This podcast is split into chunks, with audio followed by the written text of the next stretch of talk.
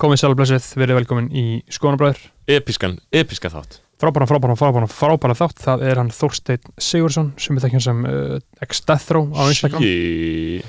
uh, frábær þáttur. En við Rétt árum við förum í rjóma, rjóman sálan einmitt, þá þurfum við að segja hvort því að við erum að reka þetta hlaðarp Skónabræður gegnum Patreon patreon.com skástrík Skónabræður það er, eh, getið þú og gerst áskrifandi. Þrjár mm, mögulega leiðir. Þú getur borgað 5 dólar, þú getur borgað 10 dólar þú getur borgað 30 dólar, þú getur líka borgað það sem þú vilt. Smetlaða sér í áskiptar þá færðu líka vikulegan auka þátt Það er bústulega vikulegur auka þáttur af gæða gasi okkar bræðra um helstu mál. Einmitt, Samtíma og fortíðar. og þú gætir verið borgað 10 dólar og fengið hennar þátt fyrr. Kannski en einhver hlusta á hann fyrr.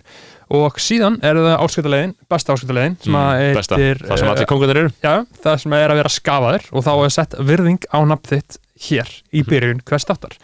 Og þeir sem eru skafaður þessir fucking meistarar. Það er Benedikt Bjarnason. Björgvin uh, Baldursson. Björgunar Nýr, verður velkomin Verður velkomin Björgvin. Brynjar Guðmundsson, Geoffrey Huntington Williams. Halfdán Sveinsson Tónlistamæðurinn Dörp. Jóhannes Haugur uh, sem var styrkjakongur okkar en hefur því miður mist þann titil, Skjótt skipast við í lofti. Einmitt. Uh, En Jóhannes er að styrkja okkur um 40 dali. Já. Síðan kemur Kristoffer Daði uh, sem er líka 30 einmitt og síðan er það um móður okkar, hún skrifir að mamma er að hlusta. Takk mamma, uh, síðan er nafnlaus kona. Og önnur nafnlaus kona. Og síðan er það Sverrir Jóhansson og síðan er það styrkja kongurinn okkar það er Tandri Snær Traustason Kóngurinn, Já. maður, hann er fucking back at Já. it og hann er búin að bæta Jóhannes aftur þannig að Jóhannes, það verður gaman að sjá Já. hvernig þetta gerist hjá þér ég kom með saminskapindi yfir þessu en, en þið þurfum bara að bregðast við já, já, bara þannig að Tandri Trista Tandri Snær Tandri Snær Traustason one up að Jóhannes og fór í kóngur. 41 dala áskrifta mánuði, hann er styrkja kongurinn okkar uh, Jóhannes uh, Jóhannes er náttúrulega Hollywood leikari hann er öruglega Mm. Já. að fá einhverja miljónir á mánuði, þannig að hann hefur alveg efni á að ég one up þekki ekki hver atvinna Tandra Snæs er. uh, ég, ég held að Tandri mér rennur í grun að hann sé uh, sko ekki með mikla reynslu á vinnumarkaði ég veit Nei. bara bókstæðlega ekki neitt um það sko Ta- Tandri hann er bara auglustlega mikill king og hann leggur mikið upp úr fyrir alls fjölmjörun uh, hann er að setja virðingun okkur og við setjum virðingun á hann. Uh, Takk fyrir þetta Tandri, uh, við lokkum til að sjá svar Jóhannesar. Og næstur er það Tindur Kárasson síðan er það Tindur Örvarsson. Síðan er það Tómas Óli Eggertsson. Áskumur Gunnarsson. Og Úlfur Árnason. Þetta eru allt Kings. Já, og þetta eru þeir sem að styrkja konum 30 dali. Og síðan þurfum við líka að segja fólki frá því að inn á Patreon. Mm. Þá er í hverjum mánuði gjafleikur bara með því að vera áskrifandi og fá, þess, og, og fá auka þætti fá þættina fær, fá virðingu að nafni þá getur unnið shit og það sem að þú, kæri hlustandi, getur unnið bara með því að vera áskrifandi 1. november, næst draugu út og síðan draugu líka aftur út 1. desember en núna, 1. november þá getur þú unnið 10.000 íslenskar krónur frá auður, bara auður að á þig, beint inn á þig cash Aha, peningur ég segja, þú veist, ef þú myndir vinna það þá ertu búin að borga þér 20 mánuði á áskrift skilur, þetta er bara, akkurat, og síðan og það getur er mikla líkur á að vinna. Já, og síðan getur líka unnið uh, 10.000 íslenska krónar innegn hjá forlæginu, getur Mm. getið bók og gáðaðari þú getur keftið bók fyrir fokkin heimska hausunaður græja jólagjafinnar ég væri bara, þú veist, ef ég fengi 10.000 kall frá forlæginu, þá væri ég bara væri- wow, já. hvað þetta er næs. Já, veistla, þú getur þú veist, ef þú vilt ekki báði bók getur getið plaggat eða penna eða eitthvað Einmitt. um, og síðan getur þú unnið halvt ár ókipis símanótkun það er líka cash. Já, halvt ár, ég meina, ég veit ekki alveg hvað það kostar, ég held að þetta er svona 30 skall eða eitthvað. Ég er að segja, þannig að þú veist, þetta er no-brainer. Já. ferði áskrift og getur já. unnið allt þetta sitt frá, frá sambandinu, ég glemdi nefna frá 101 sambandi. Og síðan er náttúrulega að loka vinningurinn hlunga, hlunga, slímu í stóri vinningurinn. Og það er einhver vel heppin að fara að vinna þetta. Og það er gisting og þreikjar þetta máltíð fyrir tvo á Siglunes gestás á Siglufyrði og þetta er matur á marakóskum veitingastað sem að hlustendur okkar ættu að þekkja nú þegar. Ef ekki, uh, googla þetta. Gestás, þetta uh, er besti staðurinn á Siglufirði, besti staðurinn á Norðurlandi.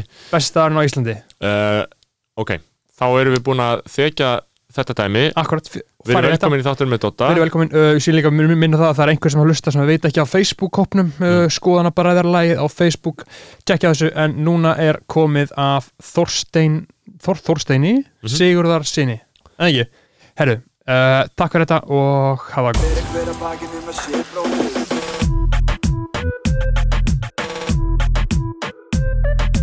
Fyrir hver að bakið um að sé bróðir eigi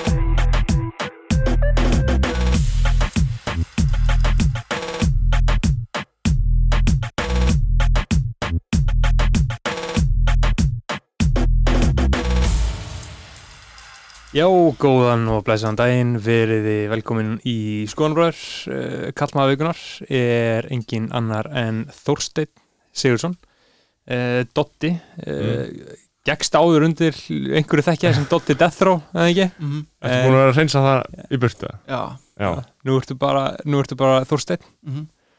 En hvað með Death Row? Þú hættur að kalla þetta Death Row já, þetta var náttúrulega veru bara Instagram username Já. mm. og þannig að veist, ég kem úr vinnópa sem allir eru með einhver dulnefni Mm. og úr því umhverfi sem er graffiti Já, já.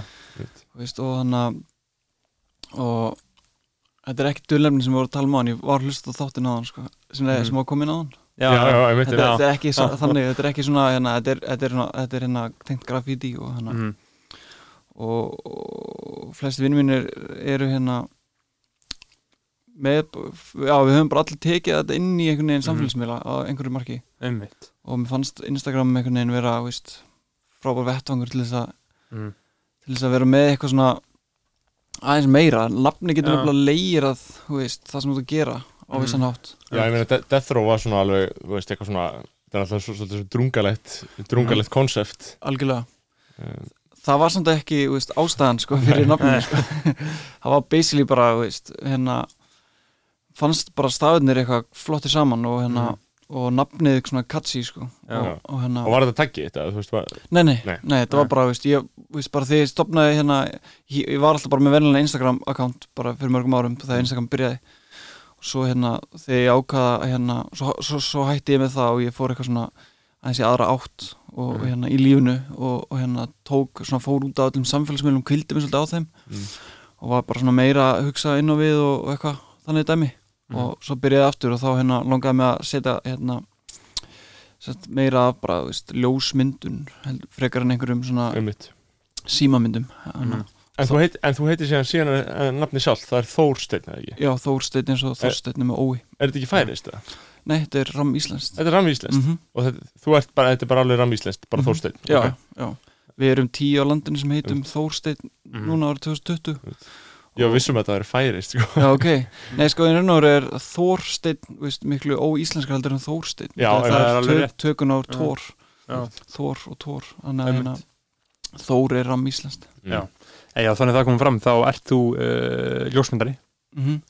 Uh, og mér finnst þetta einmitt gott sko að hafa nickname sko, það, það kemur úr hi- hiphopinu sko, Algjörlega. það er allir hiphop, menn eru með nickname sko, Algjörlega. Le, leiðilegt að það hafi smá svona dáið út sko, Já, að svona rappara nú, nú, nútímans er ekkit svo, er með eitthvað listamannafn sko, nei, mitt Já, náttúrulega og líka Death Row náttúrulega var label eitt stærsta label á sinni tíma og hann mikið að góða margtsum sem að voru. Mm -hmm. náttúrulega hella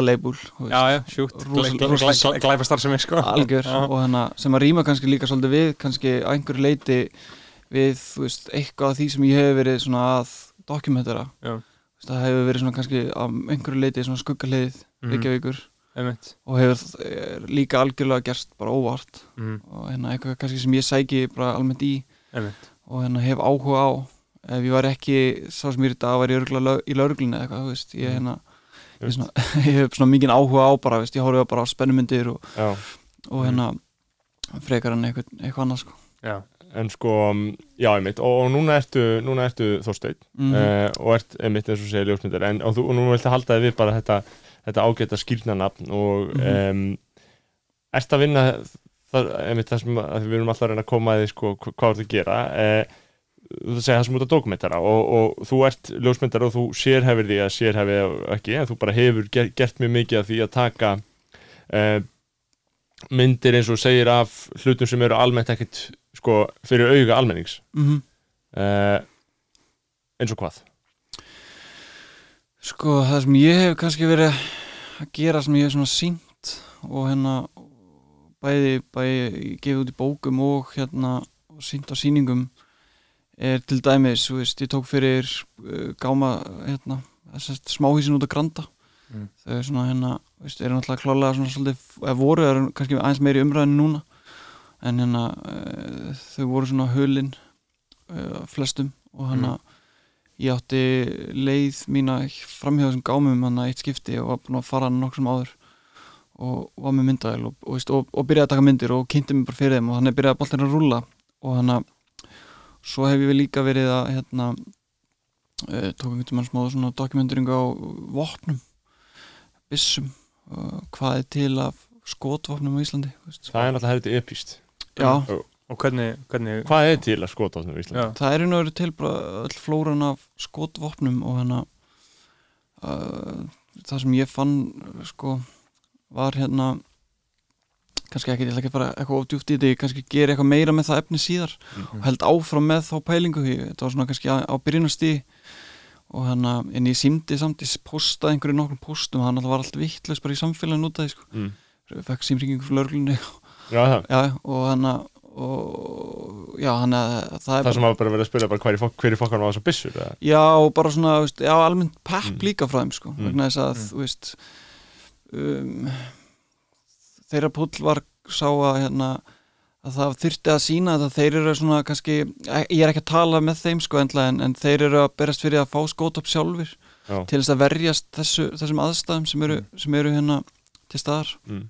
og, og hérna þeim fannst kannski bara fínt að einhver væri að sína bara svart og hvítu að þeir þyrftu á, kannski á skótarum að halda einhverjum ákveðnum aðstæðum Einmitt. og hérna og fannst bara svo umræða kannski vera ofta á mjög svona lág plani Já. Almenningur svona kannski sér ekki alveg nákvæmlega það sem þeir sjá og upplifa okkur um degi. Og En þetta er svolítið skýn stað að vera komin í að vera einu sko farin, farin að vera að búa til eitthvað púður fyrir lögguna til þess að þeir berist fyrir að hafa pissur sko. já, algjörlega, en þeir voru ekkert samt að tala um þetta eitthvað ofnbörlega, það var bara samtalana við, Mhm. við einn mann og, og hérna og ég hef alltaf verið fuck the police típan sko, þannig að hérna, þetta var mjög undarlegt samtal. Og hérna um, uh, svo hef ég veist, líka verið svona, já, mikið náttúrulega byrjað, þetta byrjaði alltaf í graffíti og graffíti er náttúrulega líka svona hulin heimur Mm. það er náttúrulega eins og koma aftur að þessum uh, dul, dulnefni, hérna, Mhm. pælingin og hérna já, sem allir eru með dulnefni og, og svona, já, var bæðið að svona, hérna að mynda og, og vídeograffa, hvað sem maður segir Mm. hérna svona lífið í kringum graffíti bæði sko inn á vinnustofunum og svona bara strákanir og Við þurfum að, við þurfum að ræða graffið aðeins en, en, mm en þetta með, með þessi gisti skíli út á Mhm. Granda Já. eða smáhísi í raun og veru, smá, smáhísi sem eru uh, að uppi stöðun alltaf gámar uh, sem þið búið, er þetta ekki þau, þau staðir? jú, jú, jú. Uh, að það var náttúrulega einhver umræða um daginn með til dæmis valseimili og það er alltaf verið að búa þú veist, það er alltaf verið að reyna að útvega þessu fólki húsnæði og það er alltaf einhver Mhm. ógíslegir borgarleg gerpi sem stíga fram og segja að þau megi ekki verið í kringum þau eða börnið þeirra.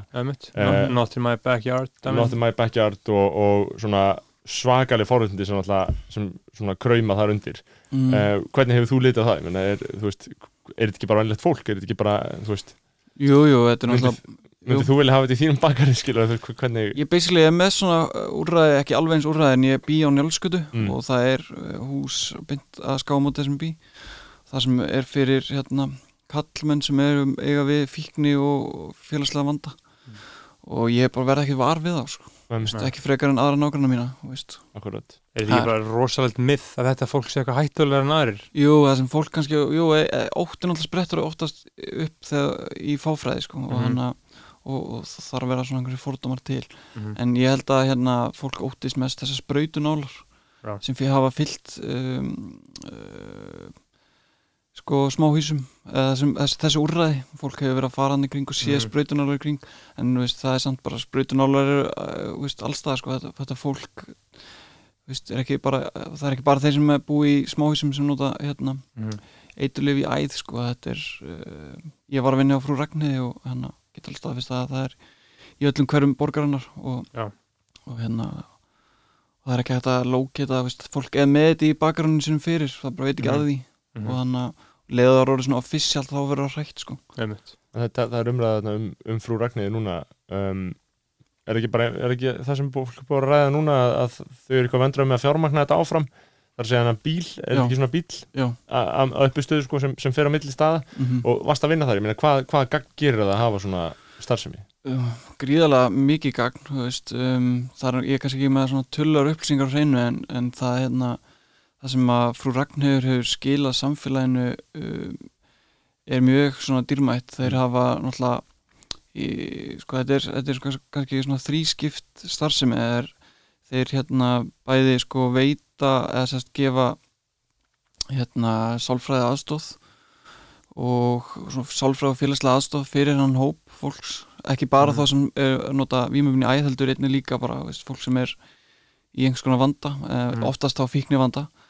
Um, og svo náttúrulega eru þeir að útvega hreinan sprautu búnað og þar leðandi er miklu minni líkur á, á, á, sko um, smitum á lifurblöku C, lifurblöku B og alnami, svona þessum helstu. Uh, það, ef- það ekki, væri ekki gert sko, hérna, þá myndi vera meiri eh, kostnaður fyrir um, spítalana og við náttúrulega sem almenningu eða þjóðfélag borgum fyrir það Mhm. á endanum og hérna skilur sér líka í meiri álægi á ákveðna deildir innan spítalana og hérna svo er þetta líka hérna mataraðstóð og, og hérna og fatnaður og annað sem við erum að dreifa þannig að hérna ég held að, þú veist, að frú Ragnhjóði sé að vinna ómeðalegt starf og það er náttúrulega eru allir sjálfbóðlega þar Mhm. og nema, nema, nema tveir sem eru svona hérna, verkefnastýrur Já. og þau eru á launum hjá Rauðakrossunum Mhm. þannig að hérna, það var ég mjög vil sé að fólk myndi taka þátt í þessari söfnun held ég sko Einmitt. það er ekki mikið, margir setja bara lítið Mhm. og hérna kemur eitthvað stort algjörlega og þú þarna uh, þannig uh, ljósmyndunum, þú gafst út þá þetta verk Container Society mm -hmm. part 1 mm það sem þú myndar er það ekki tveir Jú, það eru tveir sko, tveir menn sem að hérna, annar er hérna, Ólafur Kristjánsson og, Já. hérna, og hinn er Guðmundur Jónsson mm og þeir byggu sérst hlið við hlið í þessum smáhísum og hérna það voru fleiri sem byggu þann á þessum tíma en ég veginn uh, valdi að fjalla um þá tvo og þeir Mhm. voru svona ying og yang annar er, þeir eru báðir sérst að nota vímöfni í æð og annar var að nota morfín og hinn uh, rítalín Mm. það er náttúrulega mismöndi tvær mismöndi svona vímur sem koma þessum -hmm. sem er mismöndi efnum hver, hver er munurinn? uh, morfín náttúrulega er sljókandi efni og Mhm. svona sæfa, svæfandi, sæfandi og sæfjandi og hérna rítalín náttúrulega náskilt uh, amfetamínu, þannig að Mhm. það er mjög örfandi Já. og þú veist, það er alveg hérna, maður getur svona einhvern veginn lesið í myndirnar sko í bókinni, svona sér alveg Mhm. hver, hver er að nota hvað sko og hann að við fannst, og svo, já, svo var bara til eitthvað svona persónlega samband milli mín og þeirra tvekja Mm. og hann að og já, við gerum þetta allan tíma bara í svona samkomulegi og, og þeir Mhm. fengu að sjá alveg allt sem ég var að gera og Mm var alltaf svona mjög svona allt mjög opið og, Ja. og þeir eru mjög meðvitaðar um þetta og veist, Mhm. það fannst einhvern veginn hérna um, veist, ósangant veist, ég þurfti að hugsa þetta alveg frá byrjun sko, þess að það hefði verið mjög ósangant að mér sem einhverjum, einhverjum forréttindu pjessa að labba hann inn í þeirra umhverfi taka fullt af myndum að þeim, setja í bók selja hann og græða fullt af pening akkurat og hérna, þannig að ég veginn vildi gera það öðruvísi ekki út í að ég er ókslega góðu gaur bara út í að það er rétt mm og, hérna, og kannski líka til að setja svona kannski tónin fyrir aðra að þeirra þessi, þessi tegund og ljósmyndin er kannski ekkert svo algeng á Íslandi. Nei. og hérna, En þetta er náttúrulega, þú veist, að því að ég lít bara á þetta, þú veist, að ég, ég lít bara á þetta sem í raun og veru blaðamenn, sko, að einhver leiti, ég meina, það, það má alveg bara svona skilgræna þetta sem undir tegund af því eh, ef að maður, ef maður, ef maður vill það, því þetta er náttúrulega bara að ná utanum, skilur, hva, hvað tilvist fólks er. mm Er það ekki það sem þú ert að gera skilur? jú, þetta er svona þetta er kallað, veist, ennsku hérna, social photography Mm. og hérna, og, eða svona doc, eða documentary -hmm. photography heimildar ljósmyndun uh, var íslenska orðið að það er, heimildar ljósmyndun er bara svona hljóma skringila og það er, veginn, það er ekki algengt á Íslandi Mm. það er ekki margi sem hafa verið að gera það en kannski með öðrum hætti jú. Rax, náttúrulega, okkar fræðasta ljósmyndari hefur, unnið mikla heimildir á landslægi bæði hérna á Grænlandi. Og hérna uh, Einar Falur sem er upp á Mokka, hann er alltaf búin að vera að gera endalist af góðu stöffi í mörg ára þeir eru á einhverju leiti og eiginlega bara þeir eru raun og veru að gera það saman og ég bara með uh, í öðru svona þemu. Mm Einmitt. þannig að en þessi, kannski þessi þemi sem ég er að hérna að eiga, eiga við eru kannski svona einhverju leiti líka svolítið hérna, viðkvæmari. eh, fjalli, fjalli sko, veist, þú þarft ekki að fá einhver, gera einhvern pappir með fjallunum um höfundarétt og, og hérna þú mátt það öllum frjálst að taka mynda esunni sko Einmitt. en hann að þú veist við erum öll með einhvers konar hérna, friðhelgi sem manneskjur og hann að og þegar maður fer inn í aðstæða fólk sérstaklega að fólk er að eiga svona smá bátt að þá hérna að þá það maður einhvern veginn að hugsa þetta út í enda líka bara til þess að hérna, til þess að verkið sé svona svolítið satt sko Já. Mm. Það er að byggja upp rosalega tröst við þá viðfangsefni Já og, líka og líka hérna og líka bara fyrir þú veist, að, að fólk sé meðvitað um hvað maður er að gera sko, veist, Mm. að, hérna, að þá hérna einhvern veginn veist, verður er skrítið að gera heimild að mynd til dæmis um einhvern ef hann veit ekki að því að það, það er sama á við um ljósmyndunum sko. Já. það er að vera samþyggi einhvern veginn beggja aðla og hérna En síðan þú farið einsinn inn í farið einsinn í, í líf uh, fólk sem er í þessari, þessari stöðu sem er alltaf fyrir mér algjörlega óskiljanlega að vera háður í raun og veru bara eitulum í gegnum spautur. Mm -hmm. uh, hvernig er þú veist uh, þú veist þannig að ánum að þú sést að taka eitthvað rétt til þess að leggja einhvern loka dóm á því hvernig líður er en ég meina hvernig tilvist er, ég meina hva, hvað er, er þetta eru þeir líka koma líka stundum dagar það sem eru bara eitthvað þú veist að lesa blöðin og horfa á sjónvarpi og kvíla sig eða er þetta bara eitthvað stanslust fokk eða þú veist hv- hvernig myndir lýsa því? Ég held að það sé bara svona svolítið misjáft sko, þú veist, eftir fólki og eftir kannski lengt neyslunar og bara svona já, hvernig, og áfallasögu sko hérna, og, hvað liggur undir sko, er einhver geðsjúkdumar þarna sem er að knýja knýja mannin áfram sko eða, eða þú veist, hvað er hvað, í hvað samingi setjum við hlutina þarna sko. Um, en já, vissilega fara þeir náttúrulega í búð til að köpa sér mat og þeir gera fullt af svona daglegum uh, svona, eða svona hluti sem ég finnst mjög svona hérna uh, svona mundane sko, veginn svona bara mjög eðlileg hlutir.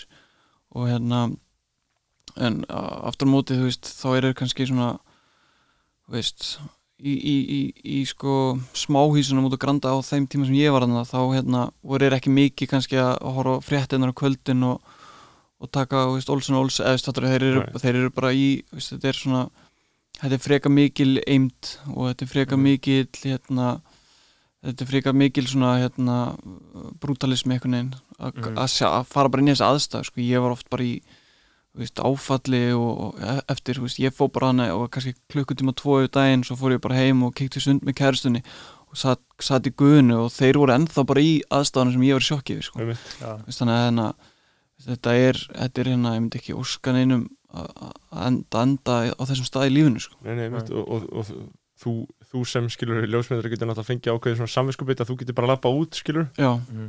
sérstaklega maður er búin að einmitt þróa eitthvað svona hérna, samband mm. með, með hérna, maður er farin að þykja eh, einstaklingin og hann að kannski búin að búið til einhver, eh, einhver vinóta hefur sprottið hann Mm. þá er þetta oft svona hérna erfitt en maður þarf náttúrulega líka þá í leiðinni að vera kannski svolítið professional og, og, og læra bara veist, að þarna er ég með eitthvað verkefni ég er í vinnunni, svo kem ég bara út úr þeim aðstæðum og lífið mitt heldur áfram Mhm. ég er kannski líka veist, ástæðan fyrir ég er kannski veist, e, hérna er kannski ágættur í, í því sem ég geri vegna þess að ég get einmitt sko greint hann á milli mjög, einfald, eða svona, mjög einfalt fyrir mig. Mhm. þannig að ég fer ekki heim og, og er eitthvað mikið að hugsa um þetta auðvitað kemur þetta timmin skilu eðlilega en, en á, á sama tíma þá einhvern veginn hérna, næ ég bara einhvern veginn að, að, hérna að, hérna að greina þar á milli. En það vinn ég líka, þú veist, kannski koma það í segjar en, en ég vinn líka mjög svona brútal vinnu, þú veist, á, á daginn svona hérna mín 9-5 vinna er, er kannski eitthvað sem að flestir myndu ekki höndla. Hver er hún? ég er vinn í líkbrennslu. Ég vinn í bálstofunni í Fossorskirkari Já, ok, og, það er hérna, frekar gott, ég vissi það ekki. Já, og hérna og þannig að þú í rauninni veist af og sérðum og frettir af hverju einasta uh, andláti á Íslandi. Já, er, það er, já það er hérna, Koma, all, koma svo margir Já, þetta gegna? já, koma nánast allir. Ég held að, já, allir, allir náttúrulega höfbrukarsæðin og hér í kring, sko það, er, það eru lík hús hér og þar á, landinu auðvitað en uh, það er náttúrulega fer flest í gegnum kirkjögarana og hérna og já, lang, lang, lang flesti sem að uh, deyja á höfbrukarsæðinu að þeir hérna þeir koma upp í vinnuti mín. Vá, það er svakalegt. Og bara er þetta, þú veist, að því að, þú veist, eh, ef ég er með þín, að, þú veist, er þetta stór salur af fullta döðu fólki eða, þú veist, hva, hvernig er vinnan? Er þetta, þú veist, þetta er náttúrulega bara sem bara kaffistofu hlýna og... já, já, þetta er bara, þú veist, þetta er þú veist, þetta er hérna þetta er uh, Fossós kirkja, veitir hvað hún er Mhm. Já. þetta er bara það er svona samilu bygging þetta er svona stórt hús og einn álmann húsinu er, er líkhús og það eru bara lík uh, skápar og þeir eru svona ískápar Já. kæliskápar og þar eru uh, líkin geimt þannig að það er engin lík beint á Nei. um, það er allt bara mjög skipulagt og farið eftir svona mjög hérna, einföldum og, og góðum verkreglum þar og það er bara, já, mannskja er skráð inn og fær númer og er í, sett inn í okkur kerfi. Mm. og hérna með, og svo er, er skrifstofarnar hliðina sem að sér um svona papirsunni sem kemur þá frá e, ríkislörglustjóra minni mig eða hérna lörglustjóra með höfuborgsæðinu sem er sem sagt e, staðfesting á andláti viðkomandi og, og, svo, og svo framvis Já, ég mani, þegar ég bjóð á Spáni sko, þá þá, þarna, þá var uh, svona spænska móðu mín þannig séð hún var alltaf, að ég verið skiptur á með hana hún var alltaf, að, hún var alltaf gáttuð á því að Íslendingar sko, þú veist, það dó kannski einhver mm. og jarðaförn var bara einum og hálfu mánuði eftir á af því að, þú veist, bara bróðir viðkomandi var á Tenerife eða eitthvað, við veit ekki, eða ekki að fríði sitt eða eitthvað, svo, þetta er svona við, við notum kælana miklu, miklu meira hérna á Íslandi en á Spáni til mér, á Spáni er bara þú deyrið og þá Mhm. eru bara Jarðarför tveir, þrý daginn eftir. dagar Já. og þá er það jarðaför, sko, af því að hefðin hefðin var bara þannig að það var það mikill hiti að það var bara ekki séns á ykkur spiði, sko. Nei, nei, einmitt. Og erfiðara kannski og dýrara að hérna engilega já, þetta já, já, einmitt. En já, þetta er, þú veist, þetta er náttúrulega hérna og svo, svo í hinum endanum húsinu er líka brennslan það sem ég vinn. Og það er kallað bálstofan. Já, og hérna, og þar eru opnar sem voru smíðað 1947 að dönskum hérna, dönskum fyrirtæki sem, menn sem kominga til lands og smíða þessu opnar, þannig að þetta eru gamlir opnar og hérna, og einn, það er einn opnótar í einu og hérna og já, hann er cirka 5 sem að eru brendir á dag frá mándegi til Vá. föstudags og það te- tekur cirka 90 mínútur fyrir einstakling að brenna inn í þessum opni Þannig að, sko. þannig að þetta er bara líka minn er bara settur inn þessa pizza. Já, náttúrulega, það er líka með lögum þá er allir bæði jarðsettir og brendir í líkkistum Já, þannig að, veist, vinna mín hljómar allt mjög svona ógeðfælt en þetta er veru, hérna ekkert Já, svo, brenni kistuna. Ég brenni kistuna þannig ég fer inn í líkhúsið, sæki kistuna setja hann á svona, hérna einhvers konar um, hérna, sleða. Mhm. og svo er sleðinum sleð, sleðanum rent inn í opnin opnin opnar og sleðanum rent inn í kistan er semst, semst tilt þar inn Mhm. og sleðan, sleðanum er rent út og hurðunni lokað og eftir að fá sekundur þá kveiknar bál Vá, og hérna kistan er raun raun og sko eldi viðurinn Mhm. sem byrja með til að knýja upp hitan sem sér sér um rest ég Ok. hugsa oft skilur það er verið að brenna kannski dýra kistur mm það er bara gert, það Það- er bara eitthvað veistla sem við gerum já, já, það er, Brenn. Já, já, það er til sérstakar bálfara kistur sko, en fæstir þær eru mjög uh, um, þær eru mjög svona uh, þær eru basically bara eins og veggurinn hérna þetta er svona hérna, crossviður eða eitthvað svo leiðis Mm. og fólk svona kannski vill uh, hérna, kveðja fólki sitt í kannski aðeins meira svona tegnalera hérna, umhverju það, einhvern það, það kemur bara strax upp í hugur á mig sko, bara Rick Ross lína sko, það sem Mm. hann segir when I go the casket better be a honey thou sko. já, akkurat. Það. Þannig að já, já, maður vill auðvitað að þetta séu ágætt, þú veist, einhver góð kista ég væri til að vera Mm. mjög nettri kistu svona stórri, ég myndi kannski vilja hana svarta já. stór svart og tegnaleg Mm.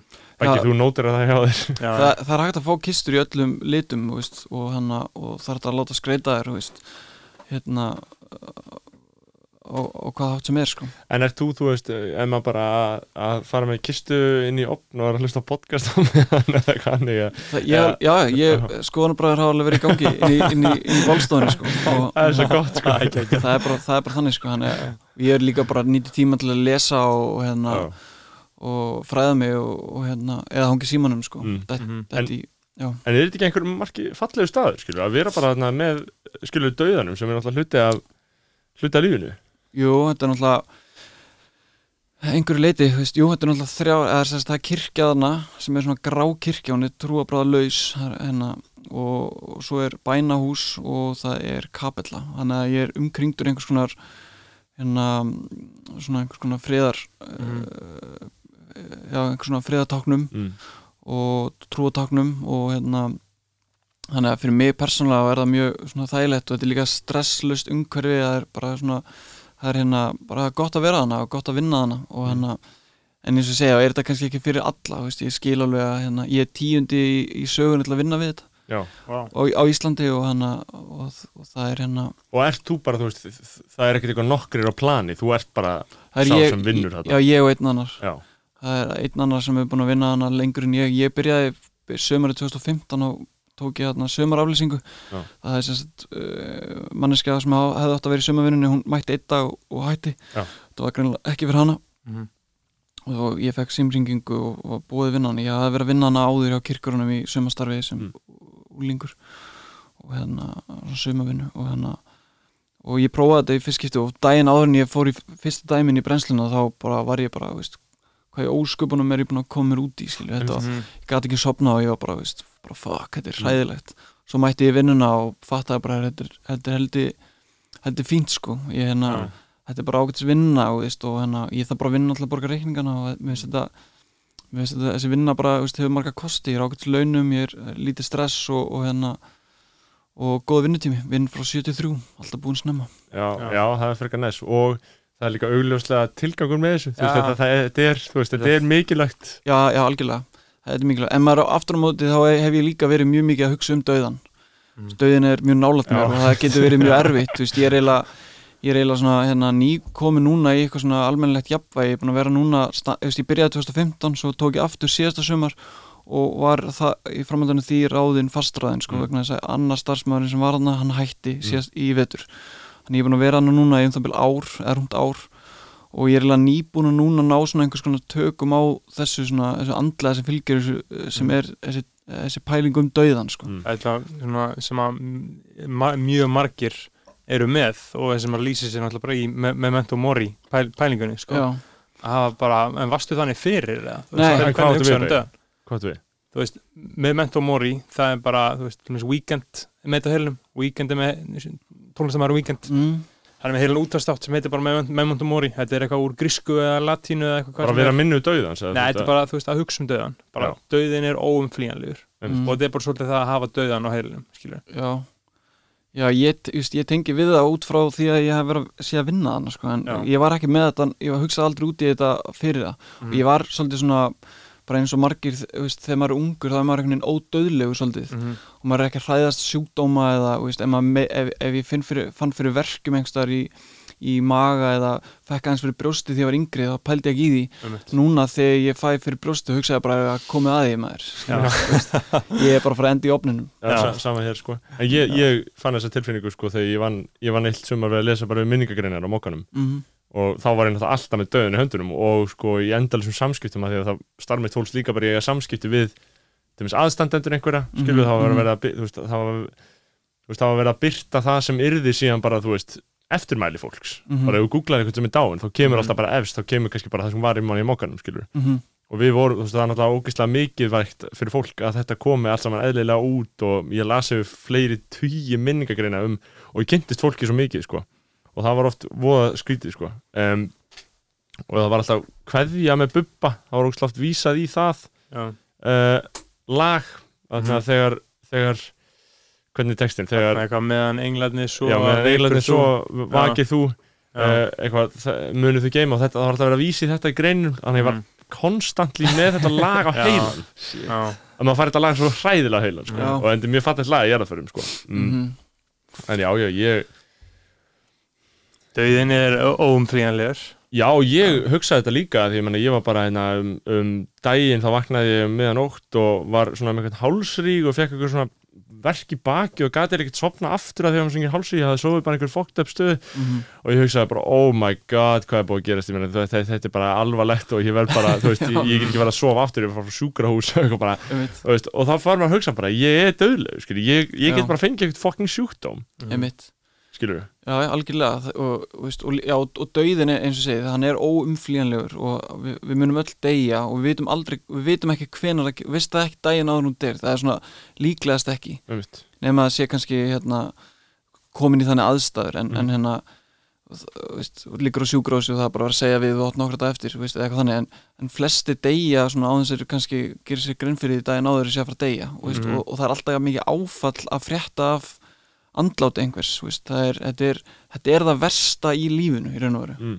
og, og það er ekkit skrítið við séum hrætt við þetta þú veist, og, Nei. og, og það er ekkit skrítið líka að við hugsa um þetta en á sama tíma ef maður fer ef maður ætlar að fara að hugsa of mikið um þetta þá held ég að það sé mjög gott að kíka til sálfræðings og, bara ræða þessa hluti vegna þess að veist, eh, þú bara þetta, þú get, þetta getur svo auðveldlega þú getur svo auðveldlega hérna, mistjórn á þessum hugsunum sko, orðið bara svona fengið þetta á heilan og orðið er veru lífs, lí- hérna, lífsrættur og ég held að það sé ekki gott sko að vera of lífsrættur og það nærði ekki að njóta um, lífstíns eins og það er og það er kannski bara í fullkomnu lægi Mhm. og þú ert kannski lífi allt framundan samt er alltaf að hugsa um dauðan Já. þannig að veist, ef, ef það er staðan þá er náttúrulega bara sáli bara besta hérna mm. besta sem getur gert sko Sáli ký sko það er svo mikið veistlega að fara til sálfræðing sko. Já, ég held að það sé ég held að við förum allt of sjaldan og, Mm. og margir fara bara aldrei til að hérna, og margir eru með það á heilinum að þið séu nógu gáða til að sjálf, til að átta sig á sig sjálfur sko.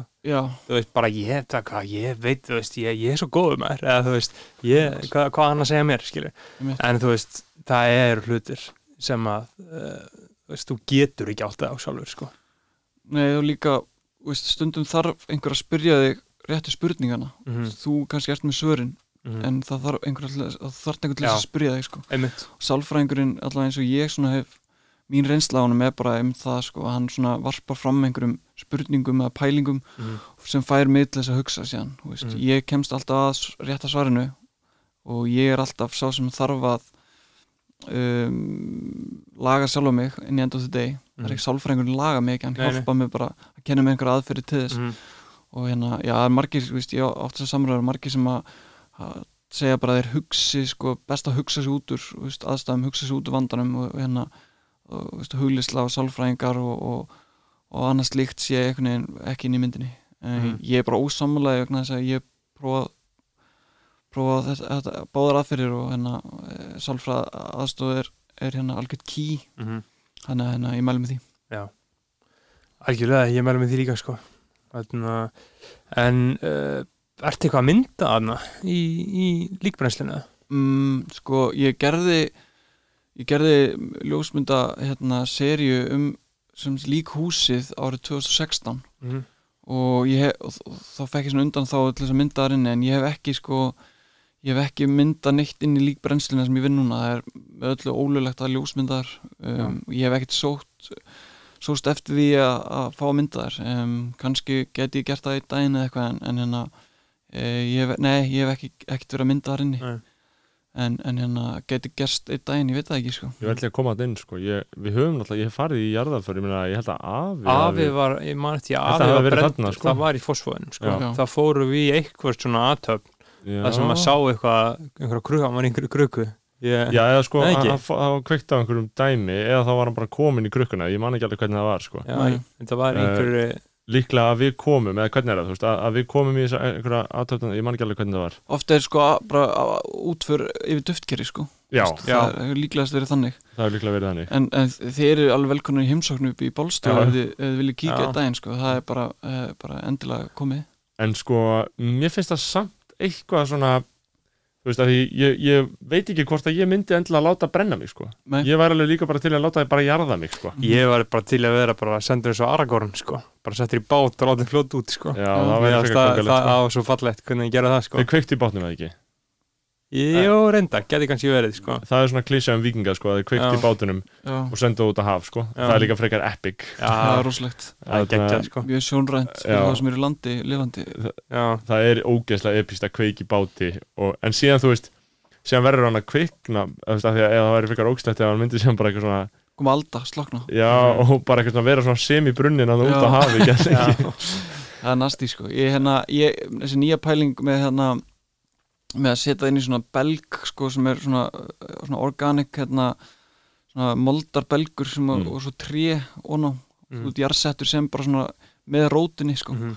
þannig líka minni settur inn í hennan belg og, og hérna og svo er það jarðsett, mér veist það geggju pæling sko og þá verður maður tré E, Já, já, basically, þú veist, þú brotnar neður með tímanum og, og, hérna, og næringin úr þér sem það er epic. Það er náttúrulega reglulega að flutta förðurfréttir og ég hef svo sem hefur örugglega skrið held ég að einhvern mann tala við einhvern veginn hjá kirkigörunum mm, um eitthvað svona, það kom alltaf við, þú veist, að koma með reglulegum hætti eitthvað svona nýjar bullshit fréttir um hvað er núna verið að gera við lík í heiminum, eitthvað svona, mm, nú er að gera demata, nú er að gera þarna, einmitt, þú veist, lífrænan úrgang eða moltugerð eða ég veit ekki hvað og hvað. Mm, um, og það er einmitt uh, það er alltaf eitthvað nýtt og fest í því en ég myndi örgulega vilja bara klassíska dæmið grafin Já á einhverjum góðum stað.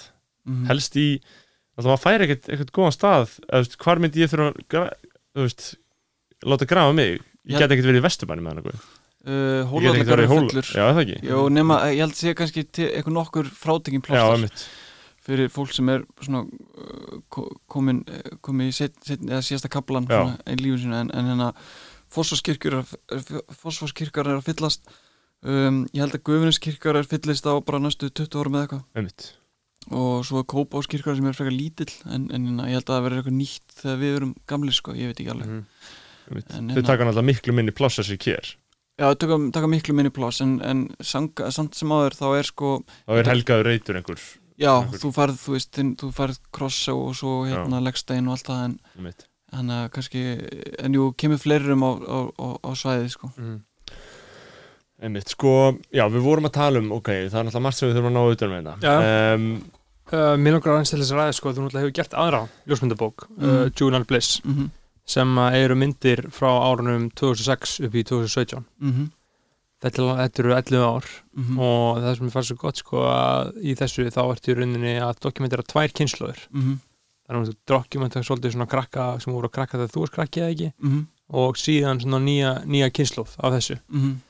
Uh, hvernig er það núna alltaf þrjú ár síðan þá -hmm. og er, fylgist ekki ennþá með þú veist krakkunum sem varst taka myndir af og þú veist hvernig þau eru búin að þróast og breytast og Jú, svona eitthvað sko veist, en, en hérna ég fekk bara svolítið nóg af þessu verkefni Mm. mm. eftir ég gátt út, sérstaklega eftir ég gátt bókina ég, ég held semst fyrst sýningu í hérna í undir Kekshostel uh, árið 2017 Já. minni mig og já, september 2017 og hérna og ég hérna gaf sér nút bókina í desember 2018 og þannig við lýsum því að það var þessi sýning sem bara mynd af um, hvaða fólki? Það voru myndir af einhverju ungu fólki en líka einhverju eldri eða bara ungu fólki tvisvar eða tvær kynslar eitthvað svolítið Já, þetta, er sérst Junior Bliss er einhverju serja um tvær kynnslöður af sko ungum strákum sem eru á svona svona, eh, hvað sé ég, svona, jæður, svona á jæðrinum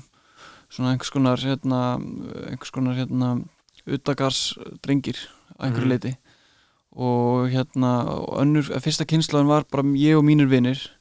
Og setni kynnslöðun var strákar sem að ég sá bara hérna, fyrir slistni og, og hérna uh, árið 2000 og, og í byrjun 2017 og, hana, og ég svona sá bara einhvern veginn ég, ég sá sko strax bara svo mikið svona, sem, svona eitthvað, eitthvað samilegt, það var eitthvað svona rauðu þráður þarna, bara bæði hvernig þeir klættu sig og hvernig þeir höfuðu sér og líka bara svona orkan í kringu þá þetta er þetta, þú veist, Juvenile Bliss þetta stendur hérna fyrir bara sko eh, Juvenile er, er hérna er nú sko þú millið þess að vera úlingur og maður Mm. og bliss er eitthvað svona hérna, er einhver, einhver tilfinning sem er bara svona einhver allsælu tilfinning og þetta er svona þetta, þetta moment þar sem að frelsi er allsráðandi og, og hérna og þú ert einhvern veginn einmitt ódöðlugur veist, og þú ert ekki farin að borga en það er engin reikningar farin að koma inn á heimabanka en og ábyrðin er engin þannig að þú, þú veður bara áfram og gerir bara nákvæmlega sem þú mm Mhm. sýnist og þetta er akkurat þessi, þessi, þessi gaurar sko, sem að fóru, fóru út úr mentaskólanum og byrjaði að reykja og, veist, og drekka um helgar og, og snóða sér hanakamp og eru smá svona, veist, eitthvað svona rebels Mm. og, hana, og mér fannst bara einhvern veginn veist, ég átti alltaf, ég sat alltaf á þessum gömlu myndum frá mínu tímabili sem ég tók, veist, ég byrjaði að snemma að mynda. Og, hérna, mér langaði bara veist, prófaði að setja það saman og vinna eitthvað með þetta og Sara Ría, listamæður, hún hjálpaði mér með það. Og vinnum að því saman á vinnustofu hennar. Og hérna, sáu bara hvað þetta var veginn uh, veistu hvað verkefni var stert vegna þess að þetta voru svona tvær kynslaður þetta var svona Mhm. langur tími settur undir sama hatt veginn. Mm.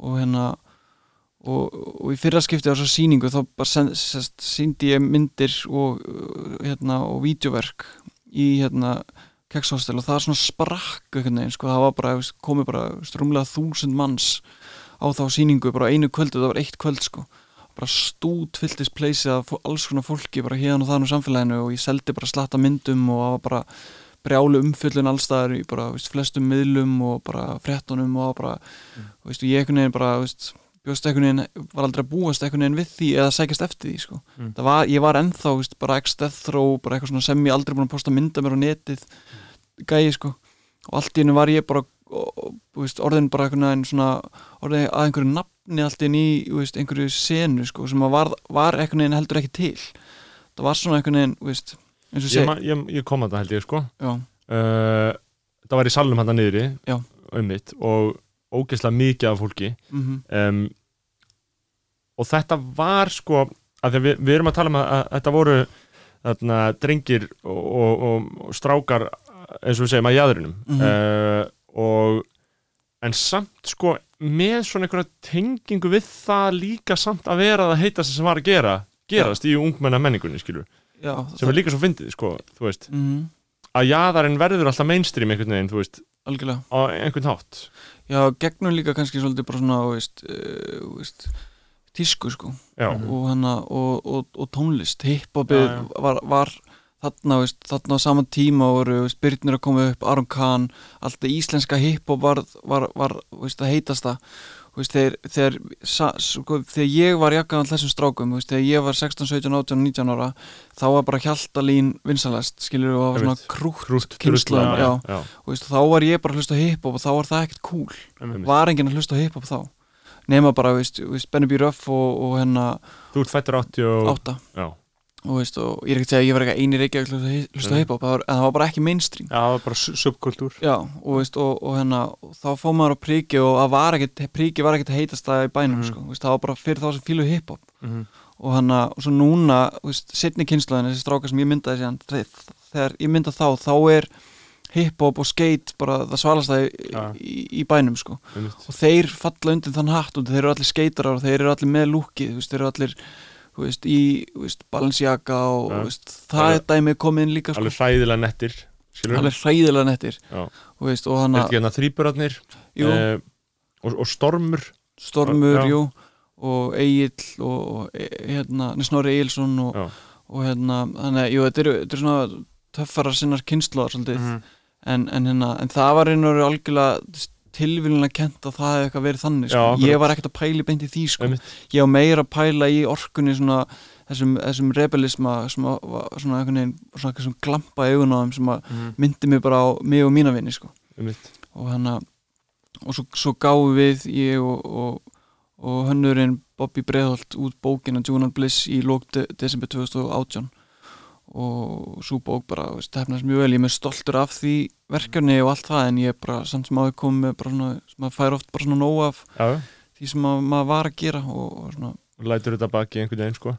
Um, en, en það sem ég veist líka áhört í þessu er að við erum náttúrulega með skilur við, um, að því við, við, ég, það sem ég var að segja, með þetta svona mainstream, þessa mainstream tenging og þetta er, þú veist, þetta er ekki veist, þetta er, þetta er jaðar hegðun mm hjá fólki sem samt er úr örugu umhverju í sumum tilvikum, skilur já, veist, og bara eins og með til Gísli Pálmi sem er bara, bara störluð jaðarhæðun og skilur nettasti gaur á Íslandi uh, um tíma og svo framvegis en samt úr þessu umhverju skilur þetta er svo Mhm. áhugavert.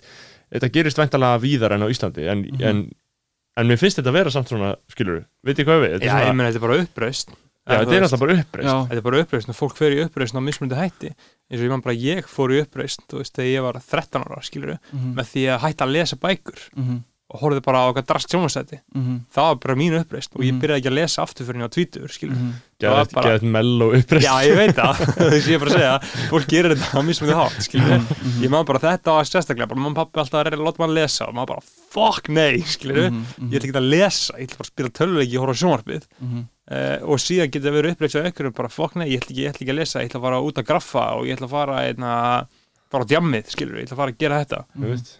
Já, líka, líka sko, veist, eins og þú veist, talandi svona um uppreistina og svona, þú veist, þóttu sérst sko, ég hérna fór einhvern veginn og myndaði frikka punk sem er svona eini punkari sem eftir er á Íslandi svona sem ég veit um þannig að ég fór heim til hans og myndaði hann heima á sér fannst það veginn mikilvægt að mynda hann í svona sínu örgasta umhverfi Mhm. Og þegar ég var út á götu þá var hann bara svona eins og, eins og hérna uppröfnum merki að taka allir eftir honum. Mhm. hvernig, hvernig líður hann heima sér? Og mér langaði svona einhvern veginn að fanga þá stemmingu Mhm. þannig ég fór heim til hans og, og myndaði hann og, og, hérna, og spjallaði við hann. Og spurði hann bara úti að hvern, hvernig varst þú pöngari skilu, hvernig verður maður pöngari og hann hérna bjó ykkur þar í minni með Belgíu eitthvað sliðis og hann sagði sko því ég var að fara út á lestastöðu leginn í skólan og sá ég alltaf hóp af pöngurum hann í Belgíu skilu, ég var lítill og, og veist, ég var bara nýjára eitthvað, horfði bara á það og hugsaði með sér bara mér langar mig að vera eins og þeir skilu Mhm. svo kom hann til, Íslands og hann, hann flutti bara í hlíðanar eða eitthvað. Og, og mamma og pappa voru svona stránt fólk, pappa svona hérna, strángum, strángum maður svona, svona fastur í sínum gildum gamli skólinn. Og hann hérna Frikki var bara með punkdótið í tösku. Svo þegar hann fór út, þegar hann fór út kvattan á mótnana bara sem bara Frikki, góði sonu þeirra svo lappaði hann bara út götuna stökkin í út garð klæddi sér bara í punkar Mhm. veist, og fór þaðan í skólan sem Frikki punk skilu Já. þannig byrjaði þetta, hann, hann var ekkert að koma ekkert úr einhver brotnu heimili og var Nei. allir voru úkslega, eitthvað gataðir í framann heima á skilu, hann var bara komið frá bara mjög íslensku hefðbunni heimili, hefði búið erlendis þar sem fóreldrar hans voru vinnu, Mm. komið sinna aftur heim og hann bara var pöngari Mm. þannig að, oft, oft sko það sama við um Gíslapálma Gíslapálma kemur náttúrulega úr uh, mjög svona hérna, auðri ætt og hérna faður hans er er, er hérna, svona, hérna mjög svona stabíl og flottu maður og, og hérna peningamaður þú veist, og hérna og ég, veist, kynst þeim á pappans og, og Gísla ágætlega gennum tíðina. Og og ég og Gísli hefum verið vinni lengi og hérna, Gísli kom bara inn í senun út eða hann, hann, hann vissi að hann, hann ætti eitthvað inni þar til dæmis.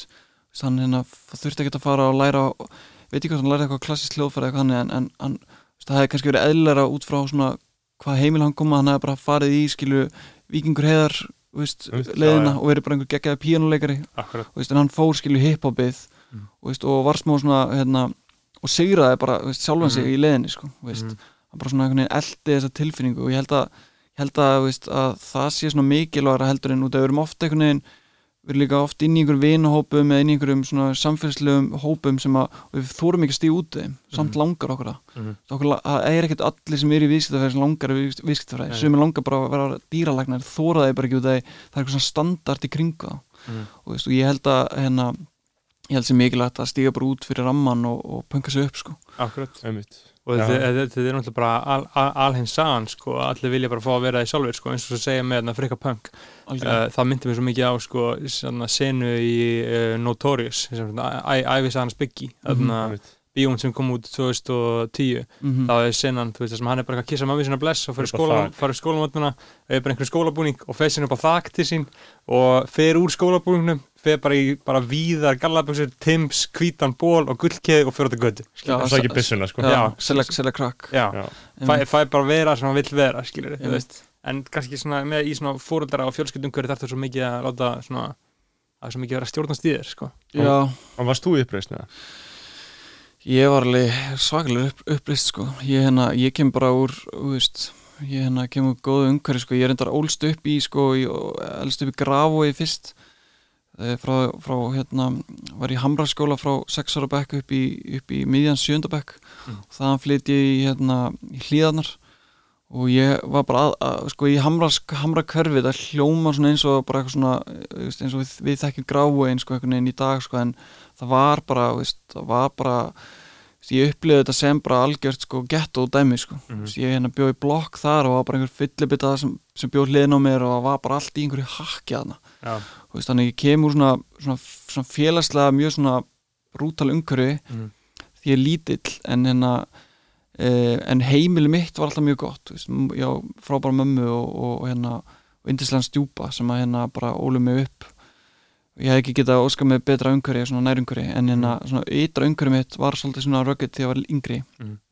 flytt síðan í hlíðarnar þar sem ég bara svona uh, veist, já, finnst eins og ég sé komin bara svolítið heim nær miðbanum og hann að og er allan tíman frá 6 ára upp í sko 17 ára er ég í fótbolta í hérna í, eh, fyrst í fjölni og svo káir og var bara veist, efnilegur fótballstrákur þú veist, og bara mætti allar æfingar og gerði allt mjög samvinskusamlega skila öllum ríkjurum í tíundabekk og Mm. útskrifaðist og, og hérna um, síðan byrjaði ég að drekka áfengi því ég er í mennskóla, fyrsta ári mennskóla og hérna sjö- 17 ára og prófa að reykja weed og þá bara því ég prófa að reykja weed sko, þá einhvern veginn opnuðist himnarnir, þú veist, ég bara þarna var bara þarna var ég sko og hérna og, og, veist, og ég held að það sé komið til, til mig komið vegna þess að ég ég kem úr svona stressumhverfið lítill og þarna fæ ég sko, veist, þegar framheili minn er að þroskast þá er ég bara kvíðin og hérna, veist, kvíðin er bara inn í mér og, og með kannabis þá náði ég bara að slakka á kvíðanum og mér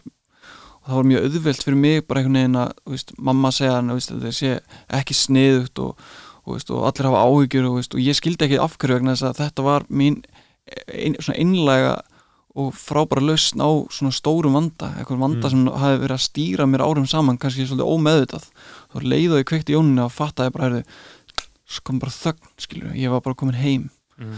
og leiði loksins vel og, hana, og þannig það mótaði svona upprisinu á mér veist, og, hana, og svo bara einhvern veginn gegnum kannabisefni og gegnum svona allt það dæmi, þá kynnist ég bara strákum sem eru veist, að upplega sama og ég beisli bara einhverju góði strákar sem hafa verið kviðnir og byrja að reykja weed og, og það vildi svo til að þeir voru að mála veist, graffíti, Mhm.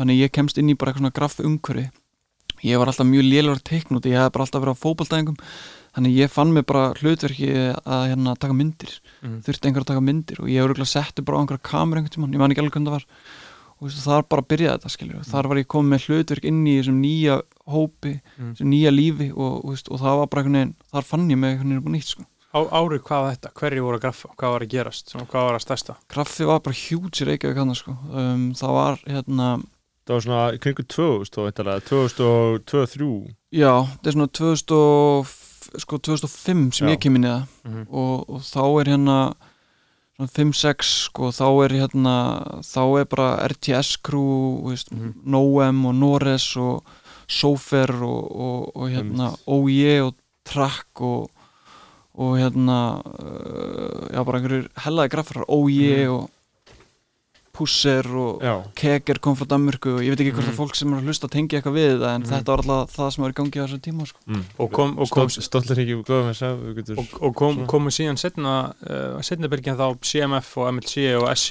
og allt þetta Já, S- eh, já, CMF var stopnað einhver, einhver tímur í kringum 2005 og af Nores og, Mhm. og hérna og tveimur fylgum hans og hérna og, og svo er bara einn, og, einn úr vinahofnum mínum, þú veist, svona yngri strákunum bóðið inn sko og Mm.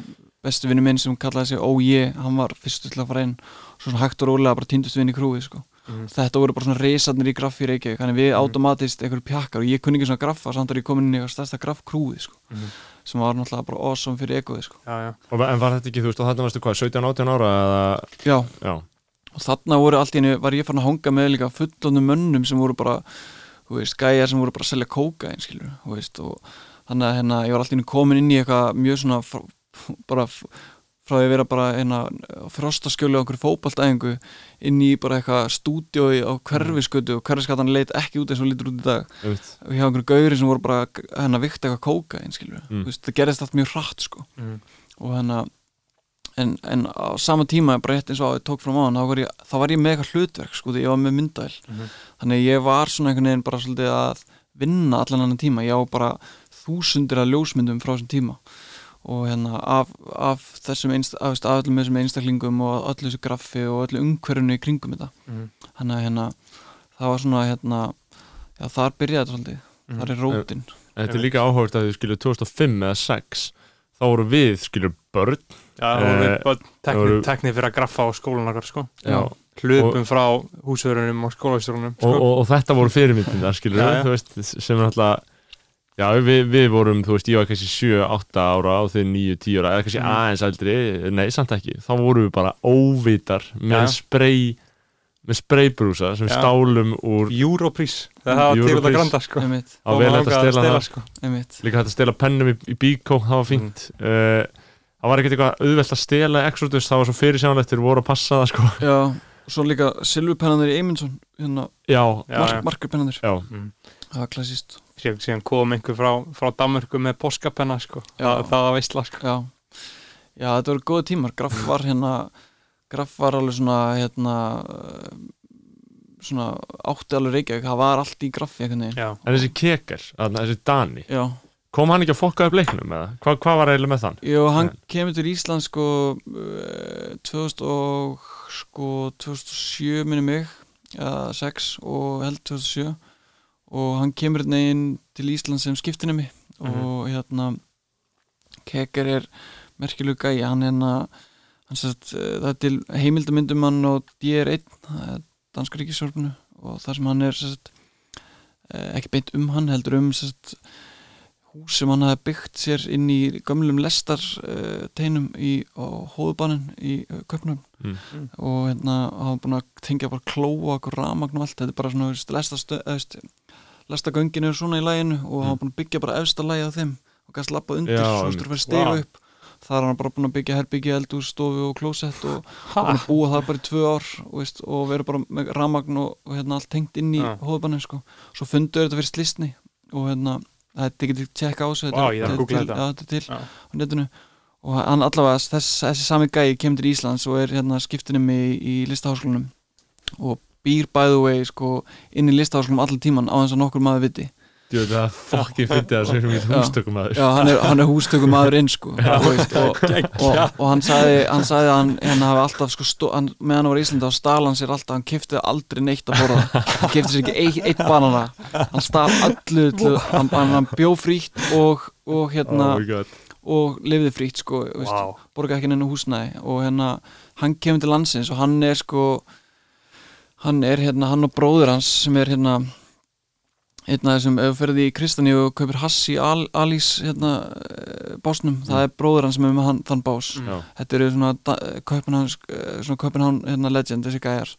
Og hérna eru risar í grafinu og hérna hann kemur til Íslands og, og hérna já, breytir bara leiknum, kemur með hérna kekir stíl til landsins sem að við svona hérna öpum eftir hann Í, í hverju fæl stílinn? Þú veist, hvað hva, hva er hann að gera sem er meina, eða, eða ólíkt? Uh, Eh, graffa á nýja staði og nýja staðsetningar eða? Já, þetta er kannski svolítið skipt, skiptir svolítið niður, það er að segja í fyrsta lagi þá er stílinn hans mestmegnis bara svona bombs, tags throw-ups í staðin fyrir einhver major piece Mm. mm. er um, Íslandi fyrir það hefði verið meira svona piece menning Mm. Svona einhverjur hip-hop karakter sem ég svona hef aldrei þólað Mhm. svona einhverjur svona einhverja svona- kalla. já, Já. graf Já, karakter eitthvað og svona eitthvað mega svona wild style graf skilu, Mm. hann var aldrei þar hann var miklu meira í svona einhverjum einföldum throw-ups, eitthvað Já. dót sem hann gætt gert bara á veist, 30 sekundum og, og, og hann að og svo er það staðsetningarnar líka veist, hann, allir höfðu verið að graffa svolítið bara svona í hlýðagöngunum skilur veist, upp í, í Kópaví hérna í hérna hvað heitir aftur hérna uh, Hamraborg, Hamraborg, já. og eitthvað svona klassíski staðir pluss eitthvað svona smá reblismi hér og þar Mhm.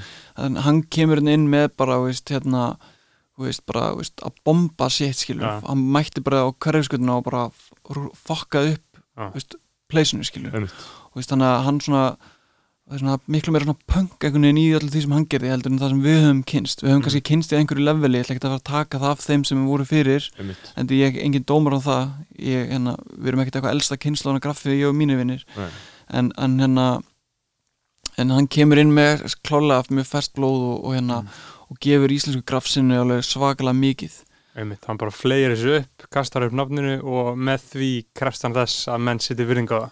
já, Ég hef líka alltaf hrifist af þessu sem er sko það er bara einhver svona eins og hann sem er bara einhver svona king grafígura mm uh, en, en verkin hans eru þau bara, veist, þau eru bara einföld en tala sínu máli, þau eru bara trademark skilur, Já. þetta er ekki, er ekki flugeldar Nei. þetta er ekki, er er svona einhver skraut stafir okkur kæfta, þetta er bara freka basic bombur, auðvitað er hann ógeðslega góður að graffa líklega, já, en, en bara 100%. einfalt og er miklu meira einmitt svona, hefur kannski svona menningarlegra impact eins og þetta, þú veist, hann breytir allir sinn og þarna byrjar bara einhver svaka buff stríð og þú veist, eitthvað svona, eitthvað kjafta eða ekki algjört og, veist, og ég til dæmis bara til að taka fram sko, veist, ég gæti aldrei gert neitt það sem Kekir gerði hann, hann er með en hann, veist, veist, X-faktor basically í graffi skilju. hann er Mhm. bara undra badd, skilju, hann er messi veist, graffsins í raun og veru. Við, við fatti, það er ekkert veist, þótt þetta sé einfalt og þótt þetta sé fljótlegt þá er þetta samt bara ómótstæðilegt og enginn Einmitt. gat, eh, enginn gat gert það sem að, enginn hefur geta gert það sem hann hefur gat gert, eða getur Mhm. gert veist, og, og hérna, jú, þarna byrjar bara eitthvað svona hérna, törfvor dæmi í, í Reykjavík, hann kemur CMF inn og svo sprettur upp eh, hérna, er, RFS og öll þessi krú og hérna, og það byrja meira svona, veist, þessi hópa hérna, eh, þessi hópar byrja einhvern veginn svolítið mikið að rífast, veist, og allt það dæmi, sko. einmitt voru menn eitthvað að fara með ofbeldi Já, já, það var Já. alveg, veist, ég var alveg, hérna, margsins vitna því og, og hérna, tók þátt því sjálfur, sko, Mm. við vorum alveg að fæta feitt, sko, alveg, hérna, margir af þessum strákum sem við vorum að slástu eru góði vinnum minn í dag, en veist, þegar ég hugsa tilbaka var þetta bara alvarlega líkamsarsi sem vorum að beita á hvern annan, sko, bara, veist, veist, einhver, einhvern tímann var ég tekin, sko, fyrir utan, hérna, það sem að, hérna, brauð og kóa núna, RFS var búin að vera með stúdíu þar og einhver félagi minn hafði sérst, verið lamin af þeim nýri bæ og hann ringir eitthvað í mig. Og ég kem síðan upp í hérna, upp á klappastíg frá úr hlíðunum hlaupandi uh, bæðu við á sveppatrippi Mm. uh, nýri bæ og tek, þú veist, tek það ákvörðunum að brjóta allar rúðurnar í stúdíunar og svona til þess að hefna mín fyrir vinn minn. Og svo því ég snými við þá er vinur minn löngu farin og hann var skítrættur nýbúið að lemmin þannig ég stóð einn eftir nýbúin að brjóta allar rúðunar í stúdíunar þannig þeir mæta allir út svona 20 görar og næsta sem ég man eftir er ég bara upp á hérna, það, það, þannig var þetta. En, en ég, þú veist, þú veist, og svo, og svo, og, og svo hérna, væs versa sko Mm. Svo vorum við að púla þetta þá líka og þeir, og, veist, þetta var bara svona, það var bara eitthvað, einhver allsæri geðviki sem var í gangi Já. sko. En síðan svona, þú veist, svona alltaf núna að hugsa maður bara hvað, hvað, hvað, hvað í fjandanum er í gangi. Einmitt. Og við erum allir félagar í dag sko. Mhm. Þú veist, þeir eru bara sína hjá mér í nulli og Já. það er allir vinir sko. Mhm. Þetta er náttúrulega bara eitthvað í, í úlingum að gera svona sko. Sam, Saman hvað það er sko, núna er úlingar bara slást á Instagram sko. Veist, Ég held að úlingar hætti aldrei að slást sko. Nei, það var líka bara fínt held ég, þú veist, ég þurfti alveg að fá, fá hérna fá hérna, veist uh, á kjamman örgurja hana á Já, það var bara gott að voru þeir en ekki einhverjir vondir menn, þetta Einmitt. voru alltaf bara einhverjir strákar skilur, já Mm. var, var enginn að fara að drepa reitt skilur Nei, þú nei. veist. þetta var meira bara svona, veist það var svona gekk of langt klálega en þetta var aldrei, skilur, það var engin með hnífi eða eitthvað skilur En það er það sem, það sem fólk er búið að tala um núna og við, við er erfitt að tala um að ánast að virðast vera eitthvað svona dog whistle fordómafullur forðandagaur mm -hmm. en að að það sé að harna svolítið í þessum heimi með tilkomu einhverja nýra hópa skilur og einhverja nýra menningar að þetta sé að verða meira fókt og raunverulega hættulega en bara eins og þess að líkasáru sem allir vissu af þarna um daginn bara, sem gerist náttúrulega bara á í bankastræti skilur Já, uh, hefur þú einhverja innsýn í það hvort, hvort það sé að verða meira fókt upp eða? Já, þetta er náttúrulega bara klárlega að fara að vera meira fókt upp og, þa og það sem ég er að lýsa er meira bara svona eins og veist, einhverju tveir vinuhópar sem er að slást út Mm. af engu basically þá er, þá er ekki peningar að völd í húfi hjá Nei, einhver já, þannig erum við komin með einmitt sko, þú veist, eitulif, þú veist, peninga og völd og, og, og einhvers konar og einhvers konar hérna og einhvers konar hérna uh, fígurur sem kom úr uh, veist, öðrum menningarheimum sem eru Mm. miklu meira hardkjarn heldur en það sem ég upplifði upp í grái þegar ég var 7 ára sko mm.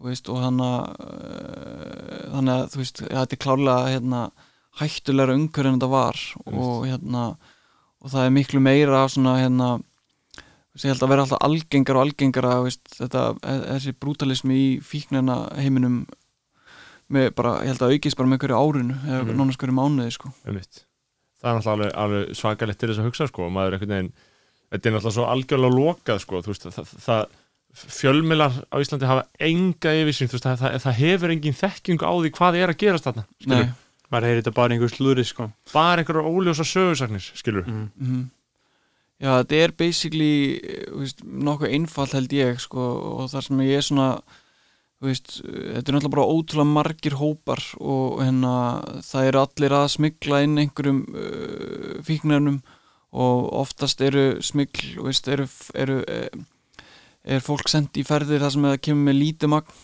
Og, en þá eru margir í mörgum ferðum, fattuðu mig. Já, þannig að það eru marga ferðir sem gera eitthvað eitt stort síðan. Mhm. og, og já, er það systemið á þessu? eða? Já, það er svona algengasta leiðin til þess að koma fíknum inn í landið. Veist, að fólk bara er að sitja uh, gleipa fíkninni og setja upp rassin á sér og, og fljúa með það heim. Uh, veist, og svo eru náttúrulega einhverjir sem eru að flytja inn í einhverjum stórum þú veist, kílóum inn á milli og, og ég, veist, eins og ég bara, ég hef svona fylgst með því að við, ég veit ekki hvað prósendun af því en þeir telli sig að vera að ná mjög litlu prósent af því sem eru að koma inn og, veist, og þegar þú veist, þú veist, já, svo er þetta margir hópar, það er margir höfupörar, það er ekkert, við erum alltaf ímyndað okkur einhvern Mhm. dón, sko það er alveg til einhverja svona, einhverja þannig fígurur í íslensku, hérna, glæpalífi Mhm. en þetta er líka ógeðslega mikið bara, ég get bara tala við ykkur hérna eftir og við getum komist að það sé bara frábært að Bergþór kíkir til Amstæða næsta helgi Já. og komi bara með 20 stykki rassinum að sér og við græðum allir, Mhm. eina hálfa á viku Mm. Já. ég veit ekki hvað að menna, veist, það er úrslega algengt það er veist, ekki einhver rosalega einokun á þessu Am- þú þarft a- að tala hennan til þess að Nei. ná þessu Nei, og, veist, og svo svona svo hægt og rólega kannski missir fólk stjórn á þessu veist, og það fyrir að gera meira og meira af þessu svo enda með einhver fyrir fangis þá komin einhver skuld Já. og þá er, þá er kallað einhvern, ein- einhvern auka og þá kemur eitthvað ofbild inn í þetta og þetta er svona, svona snjóbalt áhrif sko. en það er mjög algengt nútidags held ég að, að, að, að þetta sé svona litli skamtar mjög Mhm. oft að koma mjög reglulega inn í landið bara eitthvað svona litlir tiltölulega kannski saklusi braskarar að, að vesena það sunn Já, já, bara ótrúlegasta fólk sko bara, Já. veist, ég held að þeir sé bara nánast, nánast get fullir bara svona þverskurur af samfélaginu sko.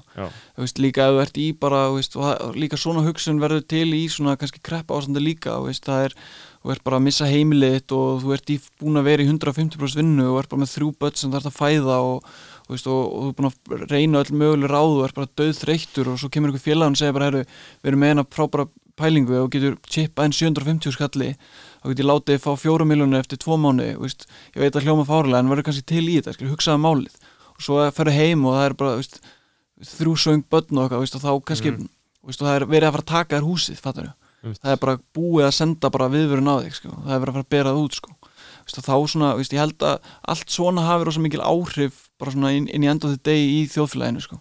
Mhm. allt svona hérna, veist, eftir þessa kreppu og svona, ég held að mikið af svona hlutum fóru svona að rúlla öðruvísi eftir það Já, ég er ekki að fullera þetta en ég svona Nei, nei, þetta er mjög, mjög góð punktur sko. já, Að og- og fólk líka- vaknar ekki bara upp einn dag bara, heyrðu, já, ég ætla að gera þetta skilur, Nei, það og líka, er sko- ástæða fyrir því. Já. og líka sko svona getur fólk líka réttlætt fyrir sér sko kannski fólk sem er venjulega og ég hefði skilningi engi glæpamenn eða eitthvað svona þú veist, en það heldur bara, heyrðu, já, þetta er bara smá mission hérna, mhm, klára þetta dæmi og svo náttúrulega bara, eh, skilur, heldur maður sér frá þessu að einhverju leiti, skilur, þetta er já, svo ferðu út skilur og, og svo setur, setur í sambandi við einhver aðla og úti til dæmis í, veist, í, veist, í Amsterdam og svona, þá ertu komin út í veist, svona alvöru veist, sm- smikl hringi og svona starri eiturlega hópa sko, Mm. sem er tengdur inn í Söður Ameríku og, og þar úti eru fullt af veist, sem er stjórna því batteri sko, Mm. og, og ég persónulega veit, þekki og veit um alveg nokkra sem eru þar bara að Mm. opbreyta og, hérna, og, ég þekki fólk líka sem veist, ég þekki marga sem hafa smiklað sem hafa Mm. bara sagt mér frá því og hérna við höfum átt svona,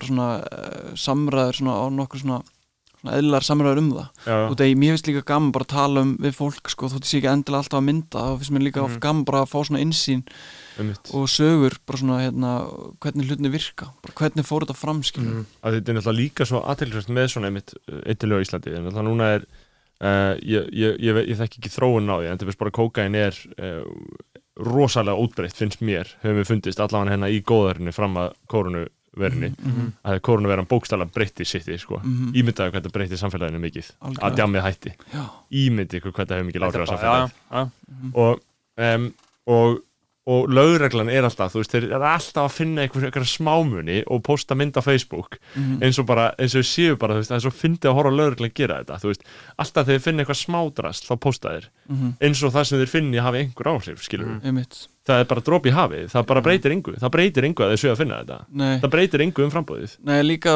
vandamáli líkur lauruglan er bara í einhverju kviksindi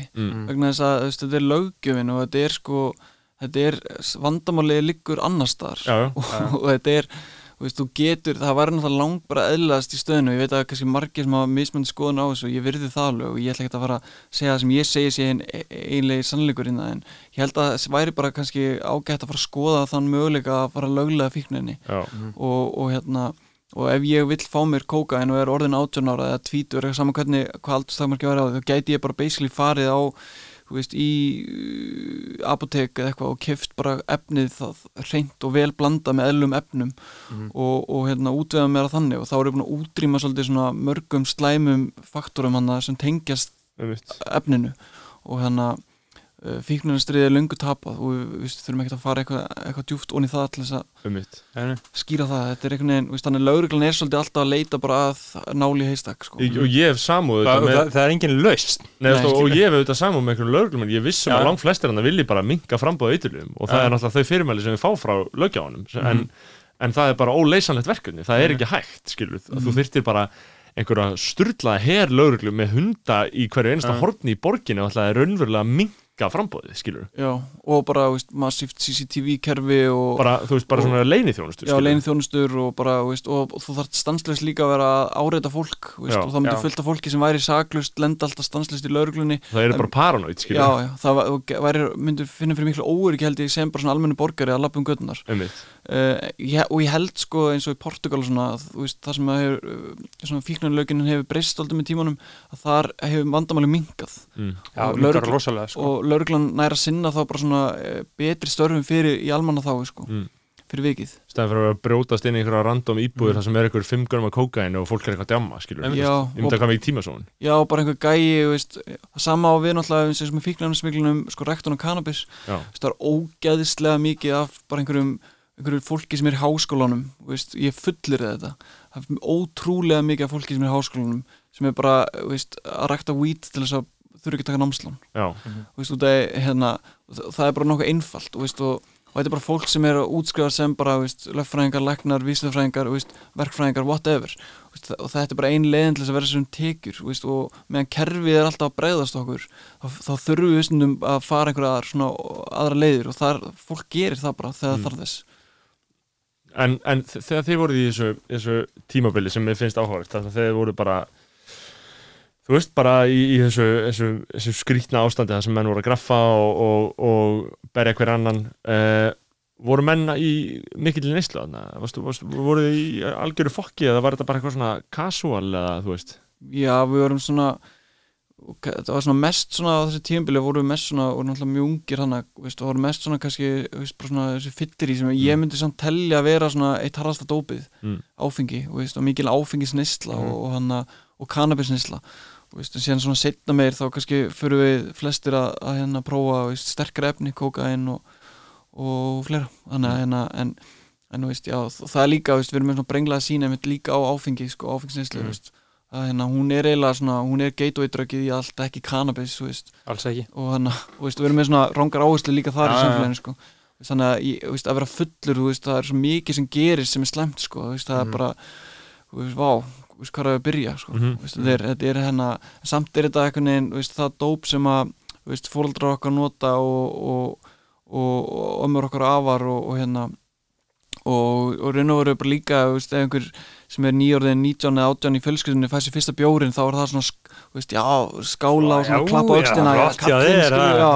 veist, og svona, svona næs Mhm. eða stelpan sem fæði sér fyrsta rauðinsklasi með mömmu sinni, veist, það er svona Mhm. verður eitthvað svona seremóni og það er, fólk gerir sér ekki alveg grein fyrir hvað veist, er í gangi aðna Mhm. veist, og það er einhvern veginn, ég er ekkert að bleima neitt, veist, það, það bara fattar það ekki út að það er búið að vennast þessu, þetta er Mhm. normið einhvern veginn og, og við erum, og við erum bara við erum, að, við erum sett í kassa og við erum bara inn í Mhm. þessum kassa sko manni hvort ég heyrði á ykkur eða einhverjum öðrum um daginn sko ef, í- ef lög, áfengi er löglegt hefur, eða sérst ef ef áfengi hefði komið upp í síðustu viku Mhm. og hefum séð bara einhvern sérst, undir áhrifum áfengis á lögunum í síðustu viku, hann hefði sko veist, auðvitað komina ef, ef það var aldrei verið til Nei, það, við höfum bara hort á hann manneski og hugsa bara með guðmun almátur Já. að því að fólk er bara að drekka í sig heilaska þú algjörlega. Ert bara að drekka áfengi og skaðir heilan. Ég lendi í þessum daginn, ég fór í hérna ég var í partí um helgina. Uh, í fyrsta sinn bara út af COVID, bara í nokkra mánuði. Mhm, og ég var bara algjörlega búin að gleyma hvernig er að umgangast áfengi, Mhm, mhm. skilur mhm. og hvernig fólk talar og hegða sér og allt svona þú þetta er magna hvað allt breytist, bara um leið og áfengi er komið í blóðað fólki þá bara algjörlega umturnast Já, fólk. Algjörlega. Og svo er það einmitt líka veist, eh, sko, heimilisofbeldi það er yfirleitt veist, það er yfirleitt sko ekki alltaf auðvitað en, en oftast er það pappinni fullur skilur og, og, og flesti sem eru í fangilsi á litlarinni ég held að sé sko ég held að sé yfir 85% þeim sem sitja á litlarinni núna Mhm. frömdu glæpin sem þeir sitja inni fyrir undir áhrifum áfengis Mhm. og kannski einhverju annara ólulega livja en, Mm. en það var alltaf áfengi inn í þessari mynd sko. það er undist það alls sko. nauðganir líka veist, þetta, eru, Mhm. þetta fyrir fram inn á skemmtistöðum og svona, ég hætti að drekka 2015 og ég finn á mér sko, hvað þetta hefur bara breytt lífið minu um, um, svona dramatíst sko, að, að Mhm. hætta að setja áfengi inn fyrir mína varir sko. Mhm. Ég var ekkert svo slæmur þannig sem undir áhrifum áfengis veist, ég var alltaf bara frekar jolly góður á því ég var ekki að, einhver- berja einhvern grafgur skilur back in the days, en Mm. svona undir, undir lokin þá var þetta bara þá var ég alveg ágætis náungitur áhrifum áfengis en bara þetta svona, ég fann bara svona hægt rólega hvað þetta var að drepa mig sko, einhvern veginn, þú veist. Bara svona sökku einhvern veginn sjálfsmyndinni og búa til kvíða og einhvern veginn eitra mig sko já þetta er það, þetta er það, þetta er, það er máli, sko, ég meina þú ert búin að lausa þetta Ég, ég er hægt nú hættur í tvö ára núna sko. Já. mm bara besta shit í heiminum Já, sko. geggjað. ég er bara oft vaknaði stundum um helgar skilur uh, bara svona, hm, já, af því ég man eftir hvernig var að vakna þunnur, hverju einustu helgi Mhm. og það var raunverulega í maður, að vaknaði þunnur oh my god, langar að drefa mig, langar að drefa mig, langar að drefa mig skilur, Mhm. það er bara sem hugsa allan daginn og beðsettir að fá að fara svo, eða að fara að drekka aftur skilur. Mhm. Og ég vaknaði stundum bara á helgar og er bara halleluja. Já, ég er kannski þreyttur, skilur en þú veist, ég var ekki að valda mér heilaskað í gætt, skilur ég- ma- ma- maður gerir ekki neitt sem maður sér ekki eftir. Að því á áfengi, það versta við er eftirsján sem fylgi, Mhm. maður missir eitthvað út úr sér og eitthvað, eitthvað svoleið skilur Mhm. slekkur á einhverjum kvíða í smástund og bara til þess að fá hann í fangið daginn hann bara eftir, undan þér, sko. Já, Já, ég bara, veist, uh, vá, það er bara svo margt sem gerist þegar maður er fullur, já, já, sem á ekki að gerast. nei Þannig að, ég samla því, sko, síðan er annað sem um, ég voru að hugsa um í þessu sambandi, að því það var hérna, að því þú varst að segja, þú ert með þarna út með nullið, Mhm, mhm. uh, gallerið Mhm. um, og þú hefur, ert ekki bara, svona, bara umsónu ert ekki bara að sjá um þetta og eitthvað að velta þessu fyrir þér Mhm. og, og ég raun og veru bara að, að fólk kemur til þín og eitthvað, ég er með eitthvað, þú veist, Ísak hefur þá talað við þig til þess að vera með ljóslegaran hana um daginn Já, já. Ep, episýning. Já, sýning. geggjusýning bara Já. alveg frábær sýning hjá Ísaki Mhm. um, uh, varst ekki líka alltaf í hertakarinn Sko, hjartakarun, þetta var þannig að, sko, á hverfiskutu 34B, minni mig, á, að þetta hefði verið til húsa. Þar var hús sem að var, efrið hann hefði brunnið og húsi, var bara búið að negla fyrir glugga og hurðar og þetta var sem sagt bara svona, e, e, reynur eyðubíli inn í miðborginni, inn, í, inn á miðri hverfiskutu einmitt, og búið að standa hann aukt í einhver tíma og bakarinn af þessu húsi var sagt, það sem var akkurat og, og árið 2009 þá fórum við nokkri strákar úr CMF inn í þetta hús og við tókum semst neðri hæðinas semst, ekki, ekki hæðina sem hafi brunnið heldur hæðina fyrir neðan, fyrstu hæðina í gegn og þar var bara, veist, þegar við komum fyrst inn það var bara, veist, döður rotta og, og mannaskítur á gólfinu veist, og bara, veist, bara viðbjóður Já. Mhm. og við tókum bara allt í gegn og við bara lökkuðum gluggana og pussum upp opnin og lökkuðum hann og þetta var í raun og veru bara hús sem var bara í eyði Já, það var bara áttuð einhver sem var svona, veist, þetta er svona típist, það var svolítið algengt og er kannski svolítið að, hefur verið algengt í miðbænum að einhver, veist, látið húsið sinni grotna niður. Já. veist, það var náttúrulega bara annarkvæmt að gera þetta upp eða rífa þetta veist, og manneskjöndar eru oftast að býða eftir einhverju leifi einhverju, Einmitt. veist, eða, eða þetta er eitthvað svona fjárfestingafyrirtæki sem á þetta og er bara voru rólegt yfir þessu þannig að þetta var bara að standa í aukt í einhver tíma. Við fyrir manni inn, breytum þessu og búum til galleri sem hétt Galleri Bosnia Já. og höldum sérst þrjá listasýningar yfir sumari, tvær þrjá listasýningar. Og, hana, og síðan síðan sýningunni þá opnum við sérst út bakdæra megin og setjum græjur út og erum bara með plötuspilar úti veist, og erum bara að spila plötur í einhverju, einhverju hljóðkerfi og, og bara almenn gleði skilju og, og hérna og það mæti bara fullt af fólki og er bara að dansa, maggi leko að spila og eitthvað svona væp í gangi Mhm. sko. Og út frá þessu þá veist, daginn eftir þá var bara sól og það bara mæti allir aftur niður frá og við tengjum aftur bara græðunar og þannig byrjar hjartakarinn basically. Mm. það er upphafið að hjartakarinn já, er mjög fyndið. Að þetta var það bara, þetta var bara eitthvað bílastæð eitthvað port og eitthvað dæmi bara Já, þetta var bara garður Já, Það var bara þetta var bara garður, bakgarður já. sem var bara Mhm. búið að grotna jafn mikið niður á húsið sko. bara ekki búið að Já, já. slá grasið þarna í sko. og það er eiginlega sko sem er áhugast líka við þetta er, það er eiginlega skilur með að við, með að við hvernig húsnæðisverðið hefur breyst og hvernig sko þarna, miðstjætta væðingin hefur orðið þarna í, á hverjuskötu og lögu sko, það er eiginlega magna til þess að hugsa að það hafi verið svona stór garður. Skilur sem var bara, bara eitthvað gras og eitthvað grindar væntalega Já, þetta var mjög stór garður fyrir eitt hús sko. já, Mhm. og hérna, ég held samanlega því og, og, og kannski hefur á einhverjum tímapunkti verið, þetta verið notað undir, kannski var eitthvað húsan áður sem að einhver, einhver, einhver kofar, oft svona litli kofar í miðbænum í baka húsin sko, Einmitt.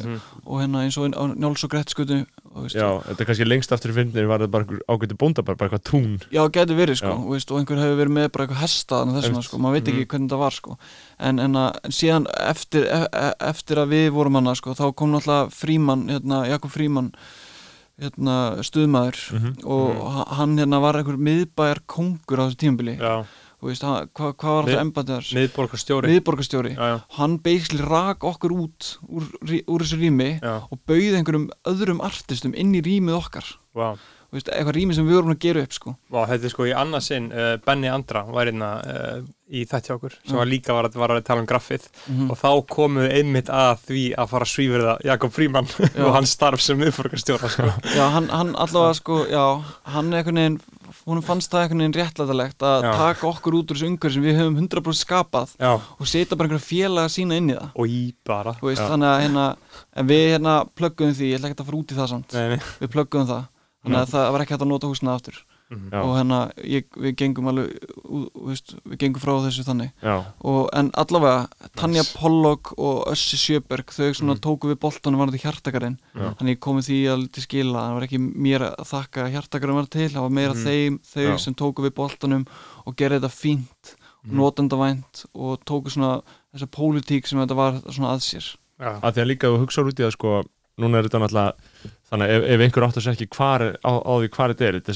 er það sem uh, nýja 66 búðin er uh, efst, eða sem ofarlega, nokkuð ofarlega þarna á löfi eða hjá á móti, málumönningu og þannig er búið að setja einhvert glataðasta torg sem um getur. Já, sem enginn fyrir á, þetta er bara eins og þeir hefur sett ál, Drast. álver þarna eða eitthvað. Já. þetta er bara, þú veist, Já. þetta er bara leiðilegt það, það er ekki hægt að vera Já, það, Það- það- það er svo óvistlegt og ömulegt Það er hægt að sjá hvernig það var í myndbandi sem Alexander Jarl gerði sem að hann hétt alveg abstrakt þá mm Mm. ég, ég held þetta hafi verið lægi sko ekta með G. Maris og Ditta Fel -hmm. sem að Jarlinn gerði Mm uh, ég vona sér ennþá hérna á YouTube alveg abstrakt, ég held að þetta ekta það, það, það, hann var það að tekið upp hjartakarinn -hmm. ég man mjög vel eftir því að hafa man mjög vel eftir þessum myndbandi sko hjartakarinn var bara líka svona einhver sameign, sa, svona, svona sameign allra borgarbúa sko. það Já. átti ekki einhver einn það gætu allir komið ánga, sama hverju varst og bara chillað chillaðna í sólinu og þetta var akkurat uh, þessi tvö sömur það sem var bara frábært frábært veður í Reykjavík og það var bara alltaf einhverju tónleikar þarna einhverju DJ-ar þú veist, og bara góð stemming og fólk kom bara með börnin sína þarna, sko, Mhm. þú veist, þannig að hérna, það voru bara allir lága við allir hann í grasinu og, og þetta var líka bara svona falleg tenging á milli laugavegar og hverjusgötu Já. sko. Þetta, þetta var eiginlega eini flöturinn þar sem að það varði eitthvað svona samilegt rými sko. núna er það ekki til sko. einmitt, þetta eru miklu meira bara svona tvær götur sko. og sérstaklega Mhm. þegar þetta er að vera göngugötur það hefur verið hægt flott að hafa þetta einhvern stað, núna er þetta bara svona, svona non-location, þetta er svona bara anti-staður sko. algjörlega. Mhm. og þarna líka byrjaði upp frá þessu líka byrjaði einhvern veginn smá svona uppspretta uh, á hverjusköldu sem við þekkjum núna. Svona einhver uppbygging hófst þarna eh, algjörlega kannski óskilt hjartakarunum einmitt. En en það kom upp- eitthvað svona stúdíó listafólk. Já, og, og hverfiskatan varð svona uh, meira Mhm. í þeirra í, í svona að því sem hún er í dag sko hún, Mhm. hún er orðin bara svona svolítið eins og hérna uh, svona aðal gatan er hún í dag sko Já. meira, meira næ, næs að gerast á hverfisköldu heldur en á lögavi finnst mér sko Mhm. Já, alveg algjörlega sko. um, einmitt þannig að þetta- er leðilegt hvernig fór fyrir hjartakarnum ég, svo sem djamaði ekkert að það, ég við vorum svo ungir ég veit ekki hvernig þetta fór sko en uh, ég, ég var, all, ég var, ég var hana all daga sko. ég, var- þetta Já. var akkurat söm, sömur sem ég var bara eitthvað atvinnulegs og ég var bara með myndavel og bara, veist, var bara hana í sólinni sko. Veist, Mhm. þetta var bara, þetta var 2010 og 2011 minnum mig, en þetta myndasafn Eh, 2009 og 2010 þetta myndasafn svo Já. þú er búin að að taka myndir í, þú veist fleirin með 10 ár, 15 ár Já. eitthvað þannig, eða ekki Jú, ég þrátt ekki að byrja á 17 Mhm. 15 ár uh, Ertu með þetta einhverju svona skíi eða ertu með þetta einhverjum flakkara ég, ég verð svo kvíðin við að hugsa um físikal eintaki og sko. við veistu hvað þetta eru marga myndir eða? Nei, ég veit ekki hvað þetta eru marga myndir en þetta eru sko, ég hef náttúrulega líka tapað myndum sko, ég hérna því ég var svona í minni mestu óreglu þá tapaði ég myndum sko, þá tapaði ég alveg tveimur árum af myndum Úff. og myndum af, þú veist, vini mínum sem að hétt uh, Loftur Gunnarsson sem var svona, svona eh, miðborgar íkon, hann Já. var hérna lest og árið 2012 minnum mig Mhm. og uh, hérna hann hérna, ég átti semst alveg ógeðislega mikið að myndum honum hann kom heim til mín, ég bjóð á vitastík á hverjum degi og við fengum okkur kaffi saman rættum um lífið og tilhöruna og hann, hann var svona auðvitaðgarsmaður sko, bjóð á götunni mest megnis Mhm. að sínu efri árum, fullarins árum. Og hérna, hann kom heimsáttíminn og ég mynda alveg slatt á honum. Svo uh, nokkrum árum setna þá hérna, rétt árin hann dó þá hérna, tapaði öllum myndunum. Þá hérna, dó tölu mín og ég var ekki búin að setja á hana disk. Þannig að ljósmyndun er líka sko, veist, maður, er, maður er alltaf hérna, maður, maður getur það er svo, einmitt, það er svo létt að tapinu en svo átti ég þetta allt á staf nei, hérna, á filmu út, ég hef alltaf verið að taka filmu kassin af þessum filmum sem að voru af lofti endaði einhverju geimslu í Vesturbænum sem ég veit ekki hvernig gerist konan sem bjó í þeirri íbúður mig og sagði, er þú Þórstein? Já, ég er búin að spyrjast fyrir um þetta, ég er nefnilega fann hérna kassa fullan af filmum, átt þú þetta? Og ég, ég sagði, já, getur líst þessu eitthvað betur ég har einhver, einhver, einhver linsur hérna og svona, þetta, líst þessu frekar vel. Og ég sagði, já, þetta er, er kassin og hugsaði með mér, yes, þetta er komið aftur. Og svo hérna, glimti ég þessu bara í viku eða eitthvað, bara glimti að ringja tilbaka glimti að fara að segja þetta ringdi ég hana og sagði, ég er leðinni svo hann, nei, sorry, ég var á sorpu í gær. Oh þetta er farið í gám. Ég get ekki heilt þetta. Ái, ái þannig að hérna, að- en núna er ég með allt spakkað upp á tveimur hörndiskum Ég fæ bara svona Mér líður svo illa að heyra þetta sko. Já. En þú varst kannski smá tíma að jafna þig Núna getur þú hleyjað þessu. Já, já, en það er sorglegt alltaf að hugsa Já, já, til þess náttúrulega loftur er dáinn og, og hana- missir. mikil missi sko, þetta var svona, þetta var svona eina sem ég átti eftir að honum sem við áttum sammeilegt þú veist, það Mhm. voru þessar myndir og, og honum, honum þótt alltaf voða gaman að láta mynda sig. Hann var svona, mm. hann var hérna vissi að hann var sérstakur.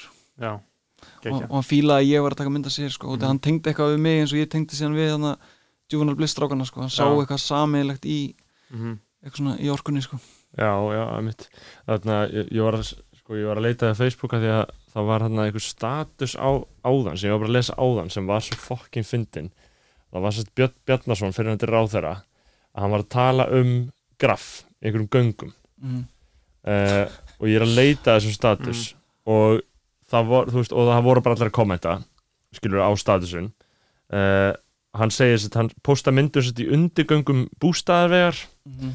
uh, ég veit ekki alveg nákvæmlega hvar það er sko, þetta er einhvers stöður í fórsvöginum og bara af einhverju OLG crew, ég veit ekkert hver er að graffa það sko. Jú, jú, ég, ég veit hver já, Já, já, og, og það, það er okkar menn sko.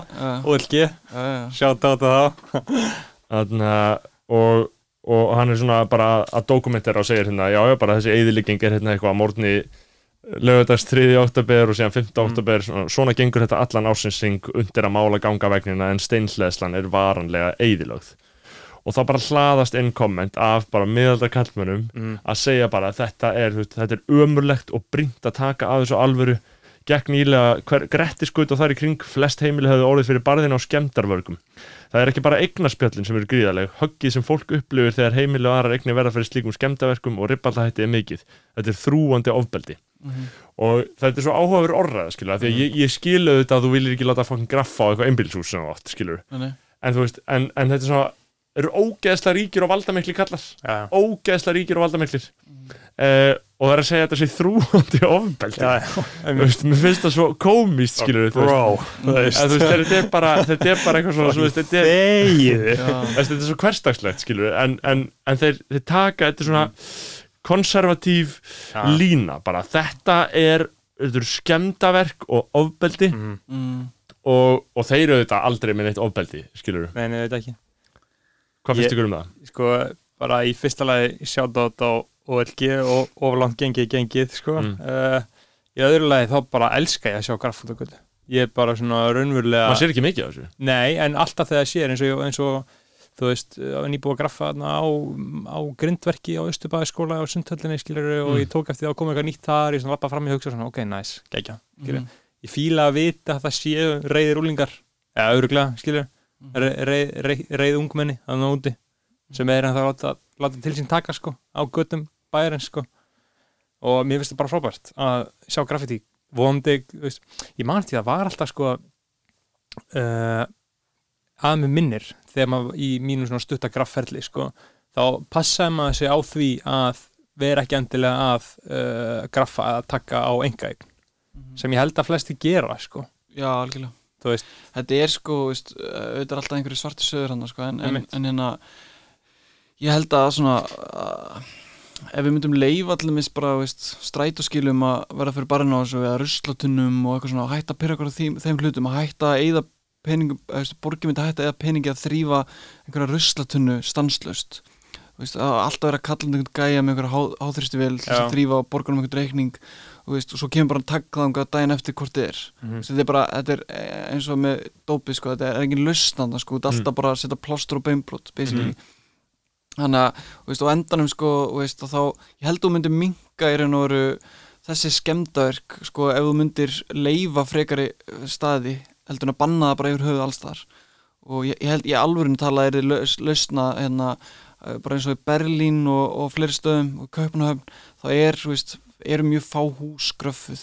Það eru þá hús í niðunísli sem eru gröffuð. Það eru öll, samt sem áður, öll strætóskili allir ljósastaurar þú veist, ö- allar ruslatunnur og svona, svona flirra þessu tengdu Já, fa svona fær einhverja- að vera graffað og það gefur ákveðin sjarma þú þú fer til Berlínar, þú ert ekkert að veist, mamma mín fer til Berlínar og hún segir bara Berlín er bara æðislega borg, skilur og hún er ekkert að pyrra sig á graffinar og fólki sem býr í Berlín það er ekkert að pyrra sig á graffinar þú veist, auðvitað pyrrar á því ef einhver kemur heimtíðin og graffa bara hliðin á hurðinni á nýja hvíta mála húsinu ég skil það alveg og ég myndi líka að vera pyrraður en, en ég held að það sé svona veist, hvað hva getur gert til að koma í vef fyrir það? Og það er að vera smá svona kannski skilja leikina eins betur. Mm. og að leifa fólki sem að hefur kannski einhverja þekkingu þarna að koma inn í umræðana í staðin fyrir að, að, hérna, að sé bara einhver, einhver flokkspolítík og baka einhverja ákvarðan varðan þetta. Og þau, þetta ekkert, þau viti ekkert. En líka þessi kalla sem er að skrifa svona status þeir eru bara, þú veist, þeir tjá sig af svo full komnu skilningsleysi 100% þeir setja þetta allt undir sama hatt. Já, já, og kalla þetta ofbeldi. Þannig að einmitt það er ómögulegt að taka vandan þannig. Og í Berlín, ég minn eins og skilur, maður er bara nauköln eða einhver svona nettu hverfið þarna Mhm. og það er bara graff út um allt og stundum bara á einhver íbúðarhúsi og það er bara epic og það finnst það bara öllum epic sko, Sko, þetta er svona fallið niður í Ísla ein, líka ein skilurðu. sko eftirminnilegsta útlandafæri lífsmins er þegar fórum til Kaupmannhafnar 2009 uh, og þá var maður búin að vera djúpur í graffinu rosa mikið að spá í þessu og, svona, og bara sjá graff út um allt fara á lestastöð ég man eftir bara við sjá vorum að skoða lestastöðina bara eins og túristar já, maður Mhm. fór bara sér ferðið bara til að skoða graff að þetta var svo rosalega fallegt hvað er það og, kaupanöfna? Kaupmannahafn, Já. já. og bara, bara að sjá þetta í fyrsta sinn uh, það var bara magnað sko. algjörlega já, ég held að þetta sé svona við séum svolítið ungi í þessum málum hérna heima og Já. hana og þetta sé svolítið vanhugsa þarna af þessu fólki sem er að gaggrina það hvað mest sko. Þú En það, það var einhver umræða þarna, þessi kona þarna á gatnamótunum hjá Horslegut og Ringbraut Mhm. þegar við séum þarna verkið sem er þarna eitthvað Super Mario drulla þarna á einhverju grindverki þarna á Horslegutunni uh, og, og sitt sýnist hverjum um hversu nett þetta er eða hvað sem hvernig sem það er.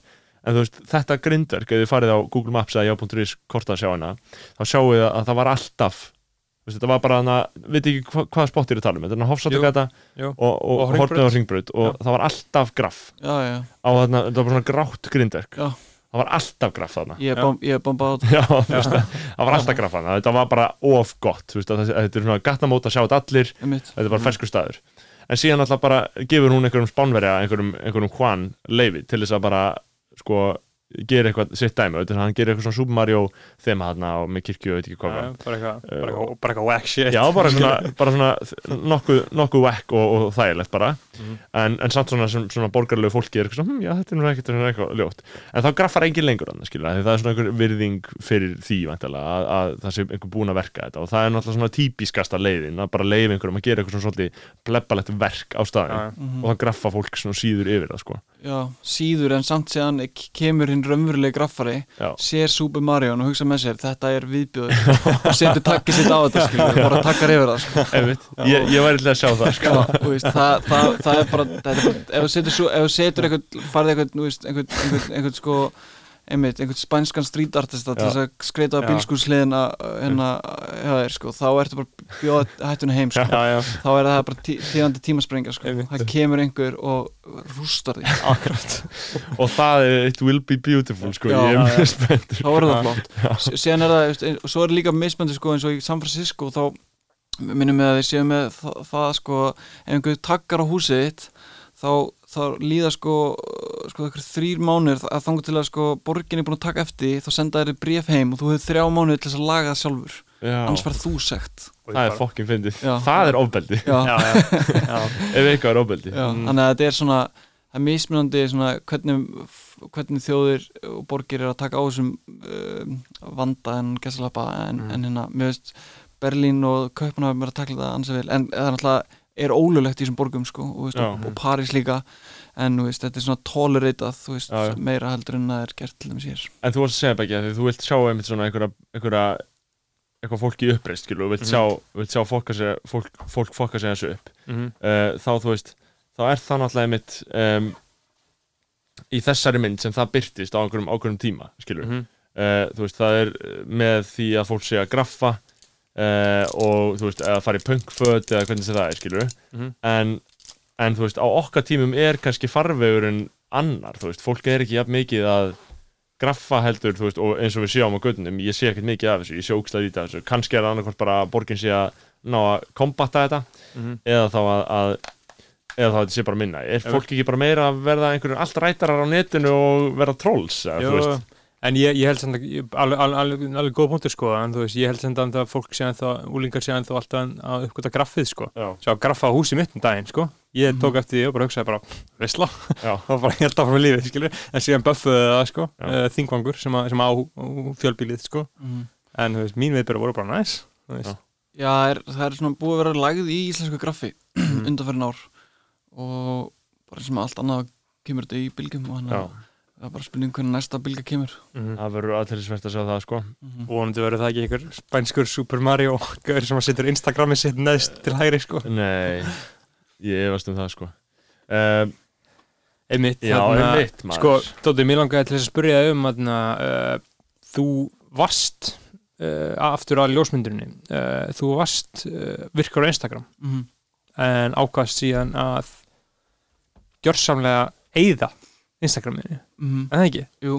Með fullt af followerum, fullt af myndum og fullt af likeum og mm alla viðurkenningu heimsins og þú bara deletaði þessu. Já, voru, þú veist, ég hérna það var þetta x-death á Instagram. Já, hérna, ég hefði náttúrulega getað breytt bara um username eða eitthvað. Mm en hérna, ég var bæði komið mjög mikið að svona kontakt að svona, já, hvað sem að kontakts -hmm. bara, þú veist, út í heim og hann að inn í, þú veist, svona galleri og, og bókabúðir og, og aðra ljósmyndara og svona í listasinninni Já. uh, og svo, já, nokkur þúsund manns að followa og eitthvað svona um, en ég einhvern veginn bara ég held að sko Instagram sé mjög svona eðilegjandi vettvangur fyrir veist, þá tegunda ljósmyndunum sem ég er að gera sko. ég ætla ekki að fara að segja hvað aðrir ljósmyndar er að gera en mér finnst bara einhvern veginn vægi ljósmynda á Instagram allt annað heldur en ef það ætlum við sett í bók Já. Og ef ég ef ég ætlum við uh, teka einhverju mynd af einhverju skotvopni sem ég ætla að sína heiminum og setja einhverju texta við þetta þá færð þú þetta upp á þínu fíti eða frænka mín sem er að followa mig.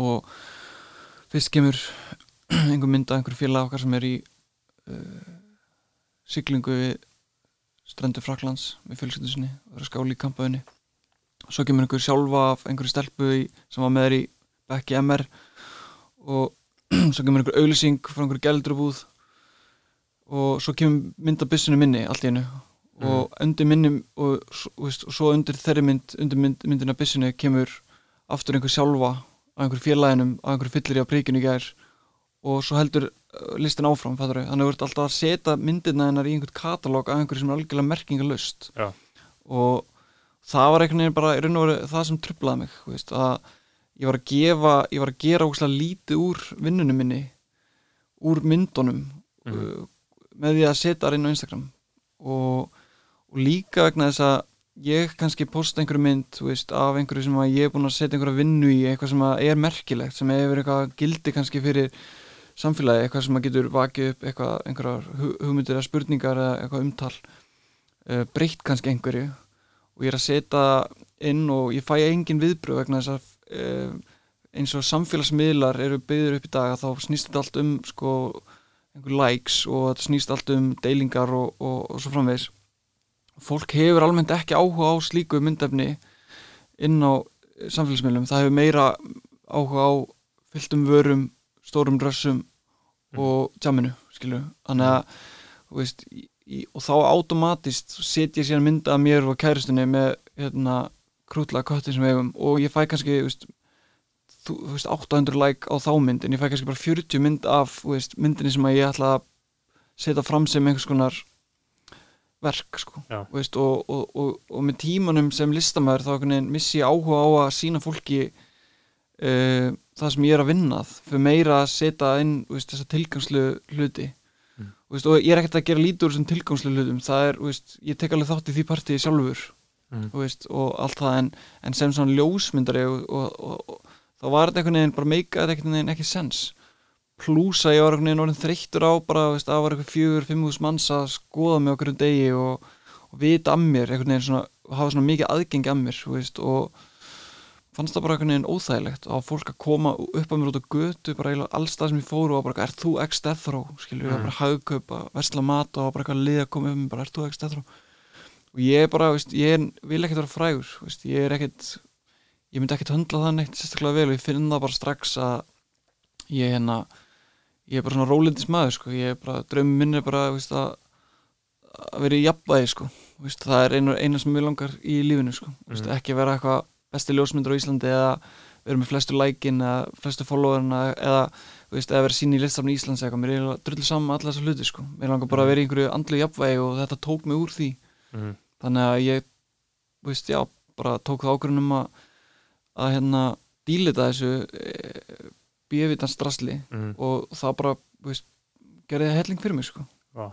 Já. og ég hérna veist, þetta er líka svo mikil sósa allt þetta dæmi, þetta er bara hvað er þetta, skilu, Mm. hvað, í, veist, hvað eru að gera, skilu, hvað eru að eitthvað smoke screen já, veist, og þetta er, þetta er, þetta er að láta þetta er að valda bara fólki bara almennt bara einhverjum kvíða og, og þetta er að við erum að gefa upp alltaf mikið einhverjum upplýsingum og þetta er þetta er bara, er eitthvað, er eitthvað þannig að við skinnjum það öll að þetta sé rámt og þetta er eitthvað skrítið en við erum bara öll of háði til þess að veginn taka þetta frá okkur. Og veist, og maður fær actually bara hérna, maður fer á niðurtúr þegar maður tekur þetta úr símanu sínum veist, maður bara upplifir bara hérna, einhvers konar tegund af sorg bara. Þú veist, þetta er bara þannig fyrir bara veist, þetta er bara komið það djúft einhvern veginn inn í Og jafnar þið síðan að því eða? já, já, ég er bara nokkra daga bara veist, að vennast í og er bara á sama tíma bara upplega frelsið að, að vera ekki með alltaf, alltaf þetta lið onni mér sko.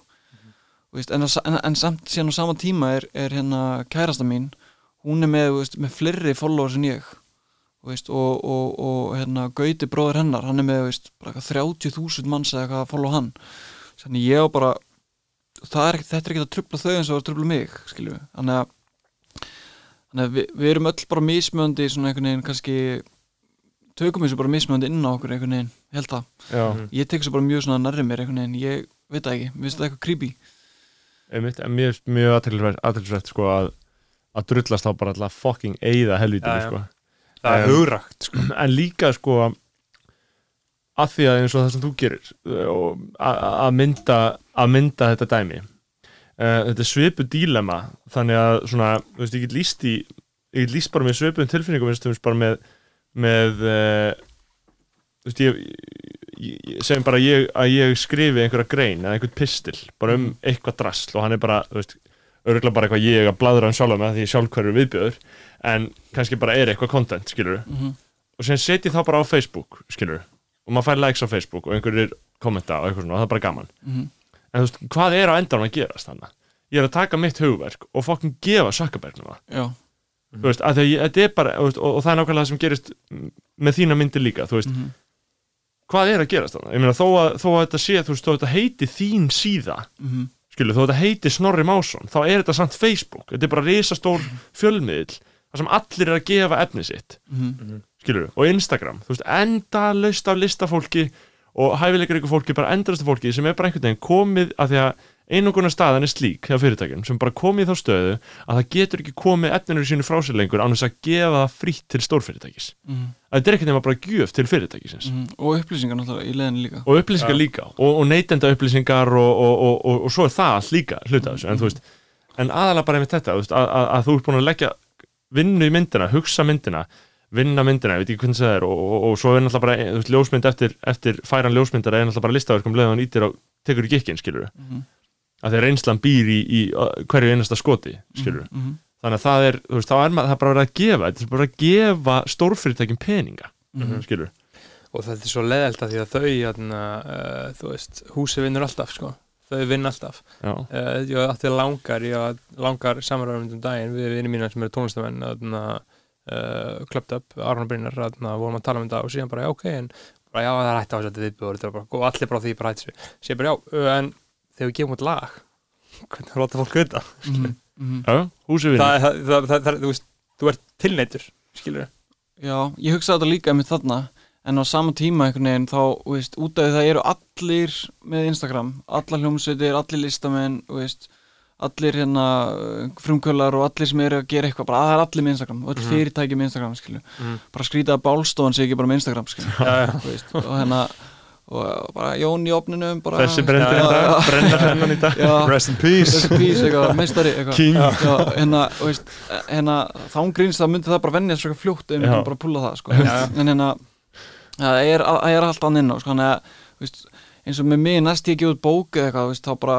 veist, þá fer það bara í einhvern annan farveg, veist, mm. markas, markaslega sé, sko, veist, þá bara, þú veist, fæ ég bara, veist, uh, frekar einhver umfjöldin í blöðunum eða fréttunum, frekar en að vera eitthvað að neyða þessu upp á fólk sem er að skoða einhverja sjálfur, sko. Þú veist, og þannig að og ég held að sé bara veist, ég held að þurfa einhver að taka skarið og ég held að hérna, ég er ekki, ég er ekki að segja ég hef gert það sko, ég bara gerði þetta hljólátt sko, og hef, hef Mhm. ekkert verið að gefa út eitthvað neitt síðan þá Af því það er líka ekki eins og sett ekki með vefsíðu líka skilur, þú ert Einmitt. þína í vefsíðu þar sem þú getur skoða drastlið og og svo líka sko, ef ég held sko á, veist, ég hef gefið út ég hef gefið út sko tvær bækur ég hef gefið út síðan nokkur svona fótosín og ef ég held á sko hérna ef ég held á bó, bókunum mínum veist, versus það ef ég held á símanum mínum með face, Instagram profilum minn opinn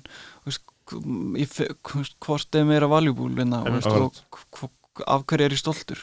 Ég er aldrei, veist, mér er alveg sama um Instagram, skilur en mér er aldrei sama um bókina.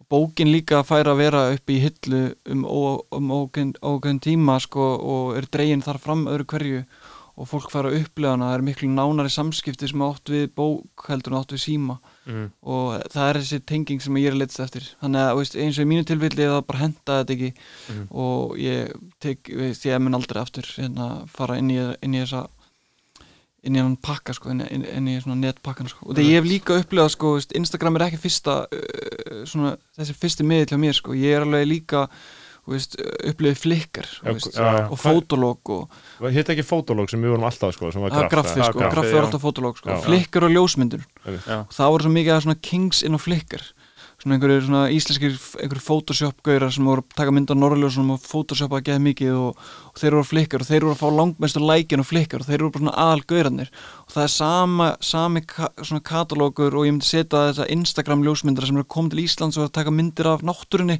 og eru allir bara með 800.000 manns eða 1,5 miljón followers, við ekki hvað típur Já, þetta já, er? þetta bara Já, já. ógæslega falskar ruslmyndir Já, þetta er allt myndir, svona teknur einhverjum svona, veist, uh, einhverjum svona jökli og það er einhver Já. svona kindarna og, veist, og það er þú veist, Bíli norðurljós og já, bílun norðurljós og, og, svo er og svo er hérna og þau eru með bara, þau eru að rýtsa bara eitthvað miljón manns eða eitthvað, veist, og, og hérna, þetta er svona aðal Instagram ljósmynd, ljósmyndararnir einhvern veginn í Einmitt. dag. Og veist, þetta, ég hef alveg séð þetta áður og það er sama með eins og voru flikkar og flikkar ljósmyndir, hvað eru þeir í dag skilur, þeir, Já, þú veist, þeir hefðu frekar átt að gefa þetta út í bókum skilur já, það sama með þessar Instagram ljósmyndar að þú veist, þeir eru, þeir ættu bara að einbytta sér að því að setja í sýningar eða, eða hérna eða bækur út að þú veist, það myndi breyta öllu svo miklu meira hjá þeim og það myndi gefa sér miklu me- be- lengri tíma út af því að hvað ætla þessi gæjar að gera þess, þetta fólk þegar Instagram verður ekki lengur í tísku? Ætlaði það bara að færa sig yfir á næsta miðil og vera hjúts þar snýst þetta allt bara um þann leik eða, eða snýst þetta um ljósmyndina Mér finnst það mjög, mjög aðtilsvert sko, af því að ég hugsa svo mikið einmitt um sko, það er svo mikið að skapa til fólki mm -hmm. sem festist inn í þessum miðlum Mm -hmm. Mhm. og það er bara rosalega margir Íslendingar maður veit bara um fullt að skapa til Íslendingum og hæfileikar ykkur fólki sem er bara þeirra framleiðsla fer fyrst og fremst kannski fram á miðlum, hvort sem það er að vera að fyndin á Twitter, skilur, Mhm. það er listform á einhverjum leiti, þetta er bara grín framleiðsla allan daginn, skilur, eða að vera fynd, þú veist, fynd, flottur á Instagram eða sniður, en þar ertu bara að dæla í þennan vettvang, Mhm. orkunniðinni og, og sköpuninniðinni Mhm. og hvað verður eftir þegar þetta hverfur, skilur Mhm. þetta bara algjörlega fucking gufar upp Mhm. nema þú bara farir í sérstætt áttak til þess að taka þetta saman og koma þessu þá í einhverja mynd, skilur, en þá er þetta einhvern veginn orðið hvað sem er útþynt og Já, þetta er, gamalt. þetta er náttúrulega líka veist, ég sk- skil á vissu leiti veist, þetta er veist, eins og með eins og með til dæmis hérna, uh, ljósmyndun og myndlist og svona, þetta er ótrúlega þægilegu vettangu til að koma sér áfram og þetta er svona, þetta er einfaldasti, einfaldasta leiðin í dag til þess að verða stór Mhm. það er bara að dæla einhver inn á samfélagsmiðla sem er mest likeable, skilju og allar þessar myndir sem ég var að tala um á hann hjá þessum, hjá þessum, fólki sem er með svona 20.000, 100.000 followers, þetta er allt eins unnið þetta er allt sama, sama leitapalettan á öllum þessum myndum, þetta er allt alveg nákvæmlega eins og hérna þetta er, þetta er svona auðveldasta leiðin, það er miklu erfiðar að taka þetta á það stið þar sem allar að fara að gefa eitthvað út. Mm. Þú veist, það er ekkert mála að skrifa þú veist, það er ekkert mála að skrifa eitthvað texta eða setja hann bara á Facebook. Þú bara alltaf einu klikki frá því. Mm. en að setja þetta upp í bókaform gefa þetta út og koma sér inn á heimilin það Ja. er það sem að það er hluti af ferlinu. Og það, Mhm. það, Instagram og það er búið að taka þú veist, það er búið að taka það af forminu, sko, listforminu, sko, ljósmyndin á alltaf heima heima þaður, einhvers staðar það sem getur náði í hann, annarkvæmst búið veggað í bók mínu tilfelli í bók, sko, það þetta er kannski svolítið brútal til þess að vera vegg, vilt ekki vera með gámagörinu upp á vegg heima en hún getur verið með hann í bók og hún er aðteklisverð þar Mhm. og þú tekur upp bókina og áttu í einhverju samskiptum við hana, sko, Mm. hana, einhverju sambandi, sko Mm. Það, sem er, það sem er svo aðlega sko, ræðilegt og ókveikjandi við þetta er hvað það hefur áhrif á listina sko. áhrif á uh, ljósmyndana sem þú te tekur örugglega á, eins og fatti það sko. Þetta er eins með það bara hvað sem er eins og ég mikið sko, ég var alltaf að followa rosalega mikið af svona, svona uh, skeiturum á Instagram það er Mhm. náttúrulega algjörlega bara, bara að vera bara skeitir í dag eru algjörlega umturnast út af Instagram myndböndunum Mhm. en þú veist, þar þurfa menn að vera að taka, þú veist, bara eitthvað þú veist, 360 niður 40 tröppur Mhm. til þess að fá like, skilur Mhm. í staðin fyrir að gera bara eitthvað rosalega fallegt, bara eitthvað nolli 360 flip Mhm. skilur ég hvað að menna, þú veist, Mhm. þú þarft alltaf að vera með hana sjokker, skilur, Mhm. þú Mhm. þarft alltaf að gera eitthvað sem að fólk elskar og það náttúrulega hefur áhrif á því áhrif á það hvernig þú skeitar eða hvernig þú tekur myndir Mhm. eða bara hvernig þú haga er lífinu, skilur ég meina allar þessar Instagram stjörnur, skilur bara þessi svo kallar áhrif á aldar, skilur Mhm. þetta er ekkert lífið þeirra sem er að segja, skilur en Nei. þau byrjuðu örugglega automatist að lifa þessu lífi út af því að út af því þau halda fólk vilji að þau lifi svona lífi, skilur Já, al algoritmin sem er er á bakvið, þú veist, hérna algoritmin hjá Instagram til dæmis eða Facebook, þau, það er það sem er bensinni á eldinu þeim, sko þau, þau fylgja algoritmanum, þau fatta, skilur þau eru specialistanir í algoritmanum, þau vita hvað þú átt að posta og Mhm. hvenær þú átt að posta, þetta liðar alveg með schedule, sko. Þetta liðar ekkert, þú veist, að, að bara eitthvað, símanu sinum að ákveða að posta ykkur mynd, þau eru oft bara með plan. Þú veist, þau eru bara með bara plan eins og ég, veist, ég er bara með plan, veist, ég þarf að vakna bara klukkan 6 og ég er bara að vinna, mættur vinna klukkan 7 þau eru bara með þannig plan varandi Instagrami sitt. Mhm. þetta er bara að vinna veist, og síðan bara hverfur svo vinna veist, einn daginn sko veist, og, og það er sorglegt vegna þess að ég skila lögurt með, einhverja kannski með eitthvað svona make-up tutorial eða eitthvað þannig eða tísku eða eitthvað þannig og hún, Mhm. það selur á allt annan hátt heldur en til dæmis, um, myndlist Mhm. eða, fattiði mig Já, já, einmitt já, já, Þetta er, já, akkurat. Þetta er mjög djúft og þetta er svona mjög flókið og ég er kannski engin, engin specialist í þessu en svona mín svona pæling, mínar pælinga gagvart Instagram er, þetta er allt frekar svona þú veist, eitthvað grátt, ég veit ekki þetta er, mér veist, eitthvað svona óþægileg orkaðana og, og allar Alveg saman sko. um, Við erum uh, djúðlur duglegir að gasa maður Hvað er klukka, hvað er tíminn? Uh, við erum búin að vera í tvo tíma Við erum bara- tíma. í klukkutum að 50 Já. myndir Shit. Þetta er búið að vera heldur gott hjá okkur sko. er, er, er eitthvað sem við erum að Mér finnst mér það bara svo áhægt að hlusta því sko. Þetta er bara svo margt geðvett Já. aðeinsvert sko. Já, takk fyrir það uh, Mér langar aðeins sko, að, að spura út í sko, að því að maður hefur svona vita að því að þú ert að vinna einhver svona verk skilur og þú getur oft verið uh, áratug að gera eitthvað shit skilur hvað ertu með mikið mörg þannig verkefni í gangi, veist? ertu alltaf að ertu alltaf að vinna jæmt og að einhverju, þú veist Mundu á einhverjum tímum púti bara að gefa út einhverja myndir sem voru tærna fyrir tíu árum skilur, er það Já, og ert, er, er, Já. ertu þá að vinna þetta bara eitthvað hér, eitthvað þar, eitthvað þarna eða ertu bara, núna er ég all in í því að gera þessa seri um þetta blóm sem vex út á gangstættinni, skilur, Mhm. eða skilur hvað að meina Já, kannski misjátt sko, núna undanferðin sko tvö ár eftir ég út sko, og 2018 gaf út tvær bækur og, og eftir það hef ég bara svolítið dreigð mig til hlið sko, ég var mikið, mikið í fjölmiðlum og ég var mikið einhvern veginn svona að gera og gefa út og sýningar og eitthvað. Og síðan bara eh, tók ég bara svona ákvörðin og ok, nú ætlum ég bara aðeins að stíga til hliðar. Mhm. vegna þess að það, það, líka þar er ég farin að setja press á sjálfa mig ef ég er alltaf í fjölmiðlum, ef ég er alltaf eitthvað poppa upp á Instagraminu öllum ef ég er alls þar, þá er ég farin að setja press á mig að fara framlega meira. Mhm. og ég get ekkert staðundur í pressu vegna þess að ég er ekkert frábær ljósmyndari sko. Ég, er bara, ég er bara áhuga á sömu stöffi og tíminn vinnur bara með mér það kemur allt bara þegar þetta á að koma ég get ekkert farið bara núna og tekið einhverja geggjaða portrétt af þér sem við erum bara að nota í bóka á morgun sko. Mm. fattar það mig, Já, já. Þeir, þetta verður að koma til mín, ég get ekki fara að sótt þetta Mhm. og ef ég, ef ég hérna annan, ég þarf að taka svolítið pressuna af sjálfum mér og þess vegna hef ég bara ekki verið að gefa neitt, neitt út og ég hef ekki verið neitt ábyrjandi með neitt að, að þessu tægi undarfærin, veist, tvö og halvt árið eitthvað Mhm. eða tvö ár og, og hérna, það er allt bara svona veist, það er allt, allt vegna þess að uh, síðan þegar ég er með eitthvað í höndunum þá vil ég að það sé almennilegt fattiði mig Mhm. Þú veist, það, það er svona sama pressa og kannski tónlistamenn finna svolítið fyrir í dag Þú veist, þeir eru allir að gefa út stanslust. Þú veist, það er betra held ég að- að að- að býða og, og, og ve vinna verkið, pæla í því gefa því tíma, lefa því anda koma síðan aftur að því, bæta einhver við það fá okkur annan til að skoða finna rétta tíman til þess að einhvern veginn setja í rétt samhengi og svo framvegis Mhm.